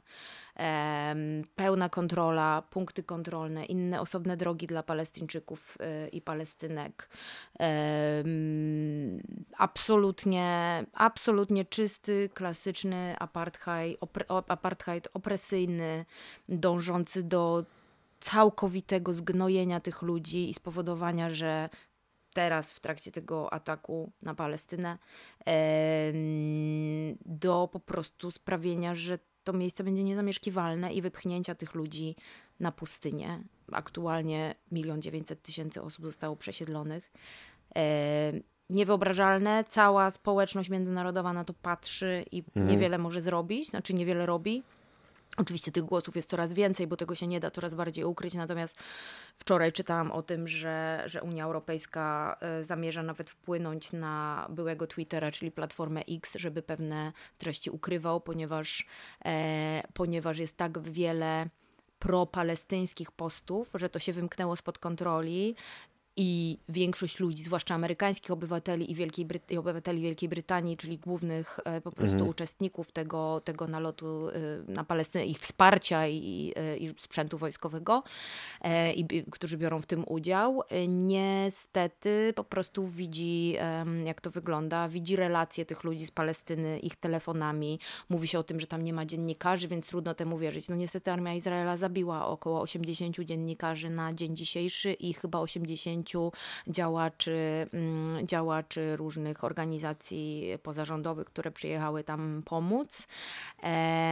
Ale to nie chodzi o to, bo to też w przypadku Palestyny i Izraela jest strasznie dużo wątków tego, że Izrael, Palestyńczycy muszą być idealnymi ofiarami, żeby uzyskać to współczucie, czyli kobietami albo dziećmi, ale i tak ważniejsze będą domniemane gwałty Hamasu. Em, na Izraelkach, na które nie ma aktualnie dowodu, natomiast polskie media rozpisują się o tym, a nie piszą o, o, o prawie 30 tysiącach ofiar w Palestynie, co bardzo pokazuje właśnie te wszystkie nierówności, z jakimi mamy dzisiaj do czynienia. Bardzo pokazuje, jak 11 września spowodował, że większość świata jest po prostu islamofobami i my też jesteśmy w Polsce islamofobami i boimy się ludności arabskiego pochodzenia mm. i traktujemy ich zupełnie inaczej niż białe osoby, które na przykład przyjechały z Ukrainy, bo są takie same jak my. A mm. tutaj no nie wiadomo, dzicy ludzie po prostu, y, Palestyń, y, Izraelczycy nazywają ich, nie Izraelczycy, tylko jakby ta część, która trzyma władzę i, i te ich nacjolisty, nacjo, y, ci ludzie z nacjonalistycznych partii ludzkimi zwierzętami niewiarygodne absolutnie, dlatego tak bardzo polecam wam Gabora Matę, który kiedyś był właśnie syjonistą młodym, a dzisiaj mówi o tym, jak y, mieszkał też w Palestynie, zobaczył to wszystko i kompletnie, kompletnie wywróciło się jego, jego postrzeganie y, tej całej sytuacji i mówi o tym, jak potomkowie, y, którzy kiedyś, potomkowie ofiar Holokaustu i potomkinie dzisiaj robią prawie to samo swoim braciom i siostrom za murem, nielegalnie postawionym nomen omen, który jak stawiano, to zagarnięto przy okazji 10% powierzchni Palestyny, jeszcze tak, no tak troszeczkę. Mm. Dla mnie niewiarygodne, no nie, nie, jakby nie, ciekawe, że do tej pory uczyliśmy się tylko połowy historii, nie mamy mhm. tego wszystkiego, nie wiedzieliśmy tego wszystkiego, dzisiaj wiemy, niektórzy mówią, że, że Palestyna to jest dzisiaj takie gardło świata, że stamtąd idzie prawdziwy głos i że jeżeli nie, nie, nie, nie będziemy wierzyć tym ludziom, nie, temu co oni pokazują, nawet to, że mówiono o tym, że to są niewiarygodne relacje, dlaczego coś ma być niewiarygodne, jeżeli ktoś to kręci właśnie swoim telefonem, przecież widzimy co tam się dzieje, ktoś ojciec trzyma y, nóżkę swojej, swojej córki, która nie żyje. Ludzie kochani, a my mm. będziemy opowiadać o, o, o domniemanych gwałtach, co przyjęły różne feministyczne gazety z Polski, Wysokie Obcasy na przykład. No absurdalne kompletnie. Nie jest to udowodnione, nie ma nigdzie na to dowodów. Zresztą wszyscy specjaliści od te, tego tematu i specjalistki siedzą i na bieżąco weryfikują to, co wypuszczają media. Odwróciła się sytuacja. Media wypuszczają fejki, ponieważ wypuszczają informacje oparte o to, co y, podaje IDF, a ludzie sami szukają mhm. sobie prawdziwych informacji. Oczywiście zostają oskarżani o to, że komentariat, że głupki, że się na tym nie znają. Nie trzeba się znać na konflikcie palestyńsko-izraelskim od 100, 200, 300 lat. Nie trzeba wiedzieć, nie trzeba nawet się opowiadać, kto był tam pierwszy czy nie, żeby być przeciwnym zabijaniu niewinnych ludzi, zabijaniu cywili mm. i Mało tego, do tej pory nie znaleziono żadnego Hamasu, bo go już tam dawno nie ma. W 2019 roku Netanyahu powiedział, i może tym zakończmy, jeżeli on powiedział tak, trzeba wspierać Hamas i ja będę wspierał Hamas, to wypuścił Guardian, więc to nie są żadne, nie wiem, szurnięte po prostu źródła dla płaskoziemców. Um, ja, że, że zachęcam do wspierania Hamasu, jeżeli nie chcecie, żeby powstała autonomia palestyńska, autonomiczne palestyńskie państwo. Dla mnie to jest jakby koniec. To jakby mm. mi wystarczy. Ten sam człowiek dzisiaj o tym decyduje, ten sam człowiek zbratał się z po prostu absolutnymi świrami. Ben Gwir to jest koleś, który tam zarządza bezpieczeństwem, którego nawet nie chciano przyjąć do armii izraelskiej, bo jest takim oszołomem. Dzisiaj ten człowiek decyduje mm. o mordowaniu ludzi, Wszystkie cele są targetowane. To, że oni nawet zabili własnych y, zakładników wczoraj, to wyszło. Zabili trzech Izraelczyków, którzy nieśli białą flagę z napisem SOS. Nawet te osoby zostały zabite. Więc nie mamy chyba wątpliwości, że tu już nie chodzi o żadną obronę przed Hamasem. Ta obrona przed Hamasem skończyła się, nie wiem, 8 października. Mało tego, Izrael, wiemy to znowu, z Guardiana między innymi, wiedział o ataku Hamasu hmm. od roku. To jest, to jest armia z najlepszym wywiadem na świecie. Jakby Mm. Come on. Dokładnie. Już nie mówię o tym, że Izrael sobie y, jest bardzo fajna y, książka takiego niezależnego dziennikarza, się nazywa Lowenstein dla Democracy Now pracuje, który y, wydał książkę o tym, jak Izrael na Palestynie, na strefie gazy sprawdza sobie różne elementy opresji, inwigilacji. To jest kraj, który ma najwięcej dzieci w więzieniach, przypomnijmy. Mm. Dzieci, mm. dzieci 12-letnich, bo od 12 roku życia można iść do więzienia bez postawienia żadnych zarzutów, e, z łapanki, wyprowadzanych na oczach rodziców z zasłoniętymi oczami w środku nocy za to, że na przykład rzucały kamienie w czołgi, ponieważ ten kraj jest też demilitaryzowany zupełnie. Więc jeżeli ktoś mi mówi, oni głosowali na Hamas, to ja mówię, a oni głosowali na Netanyahu. Dzisiaj dla mnie to są tacy sami terroryści.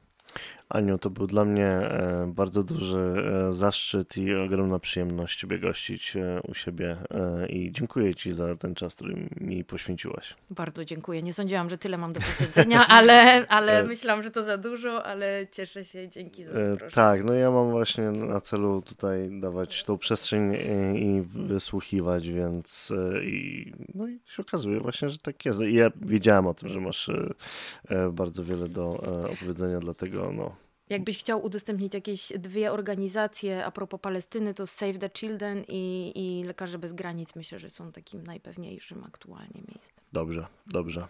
Super. Dziękuję bardzo. Dzięki. Juhu! No dobra. Uf, dzięki.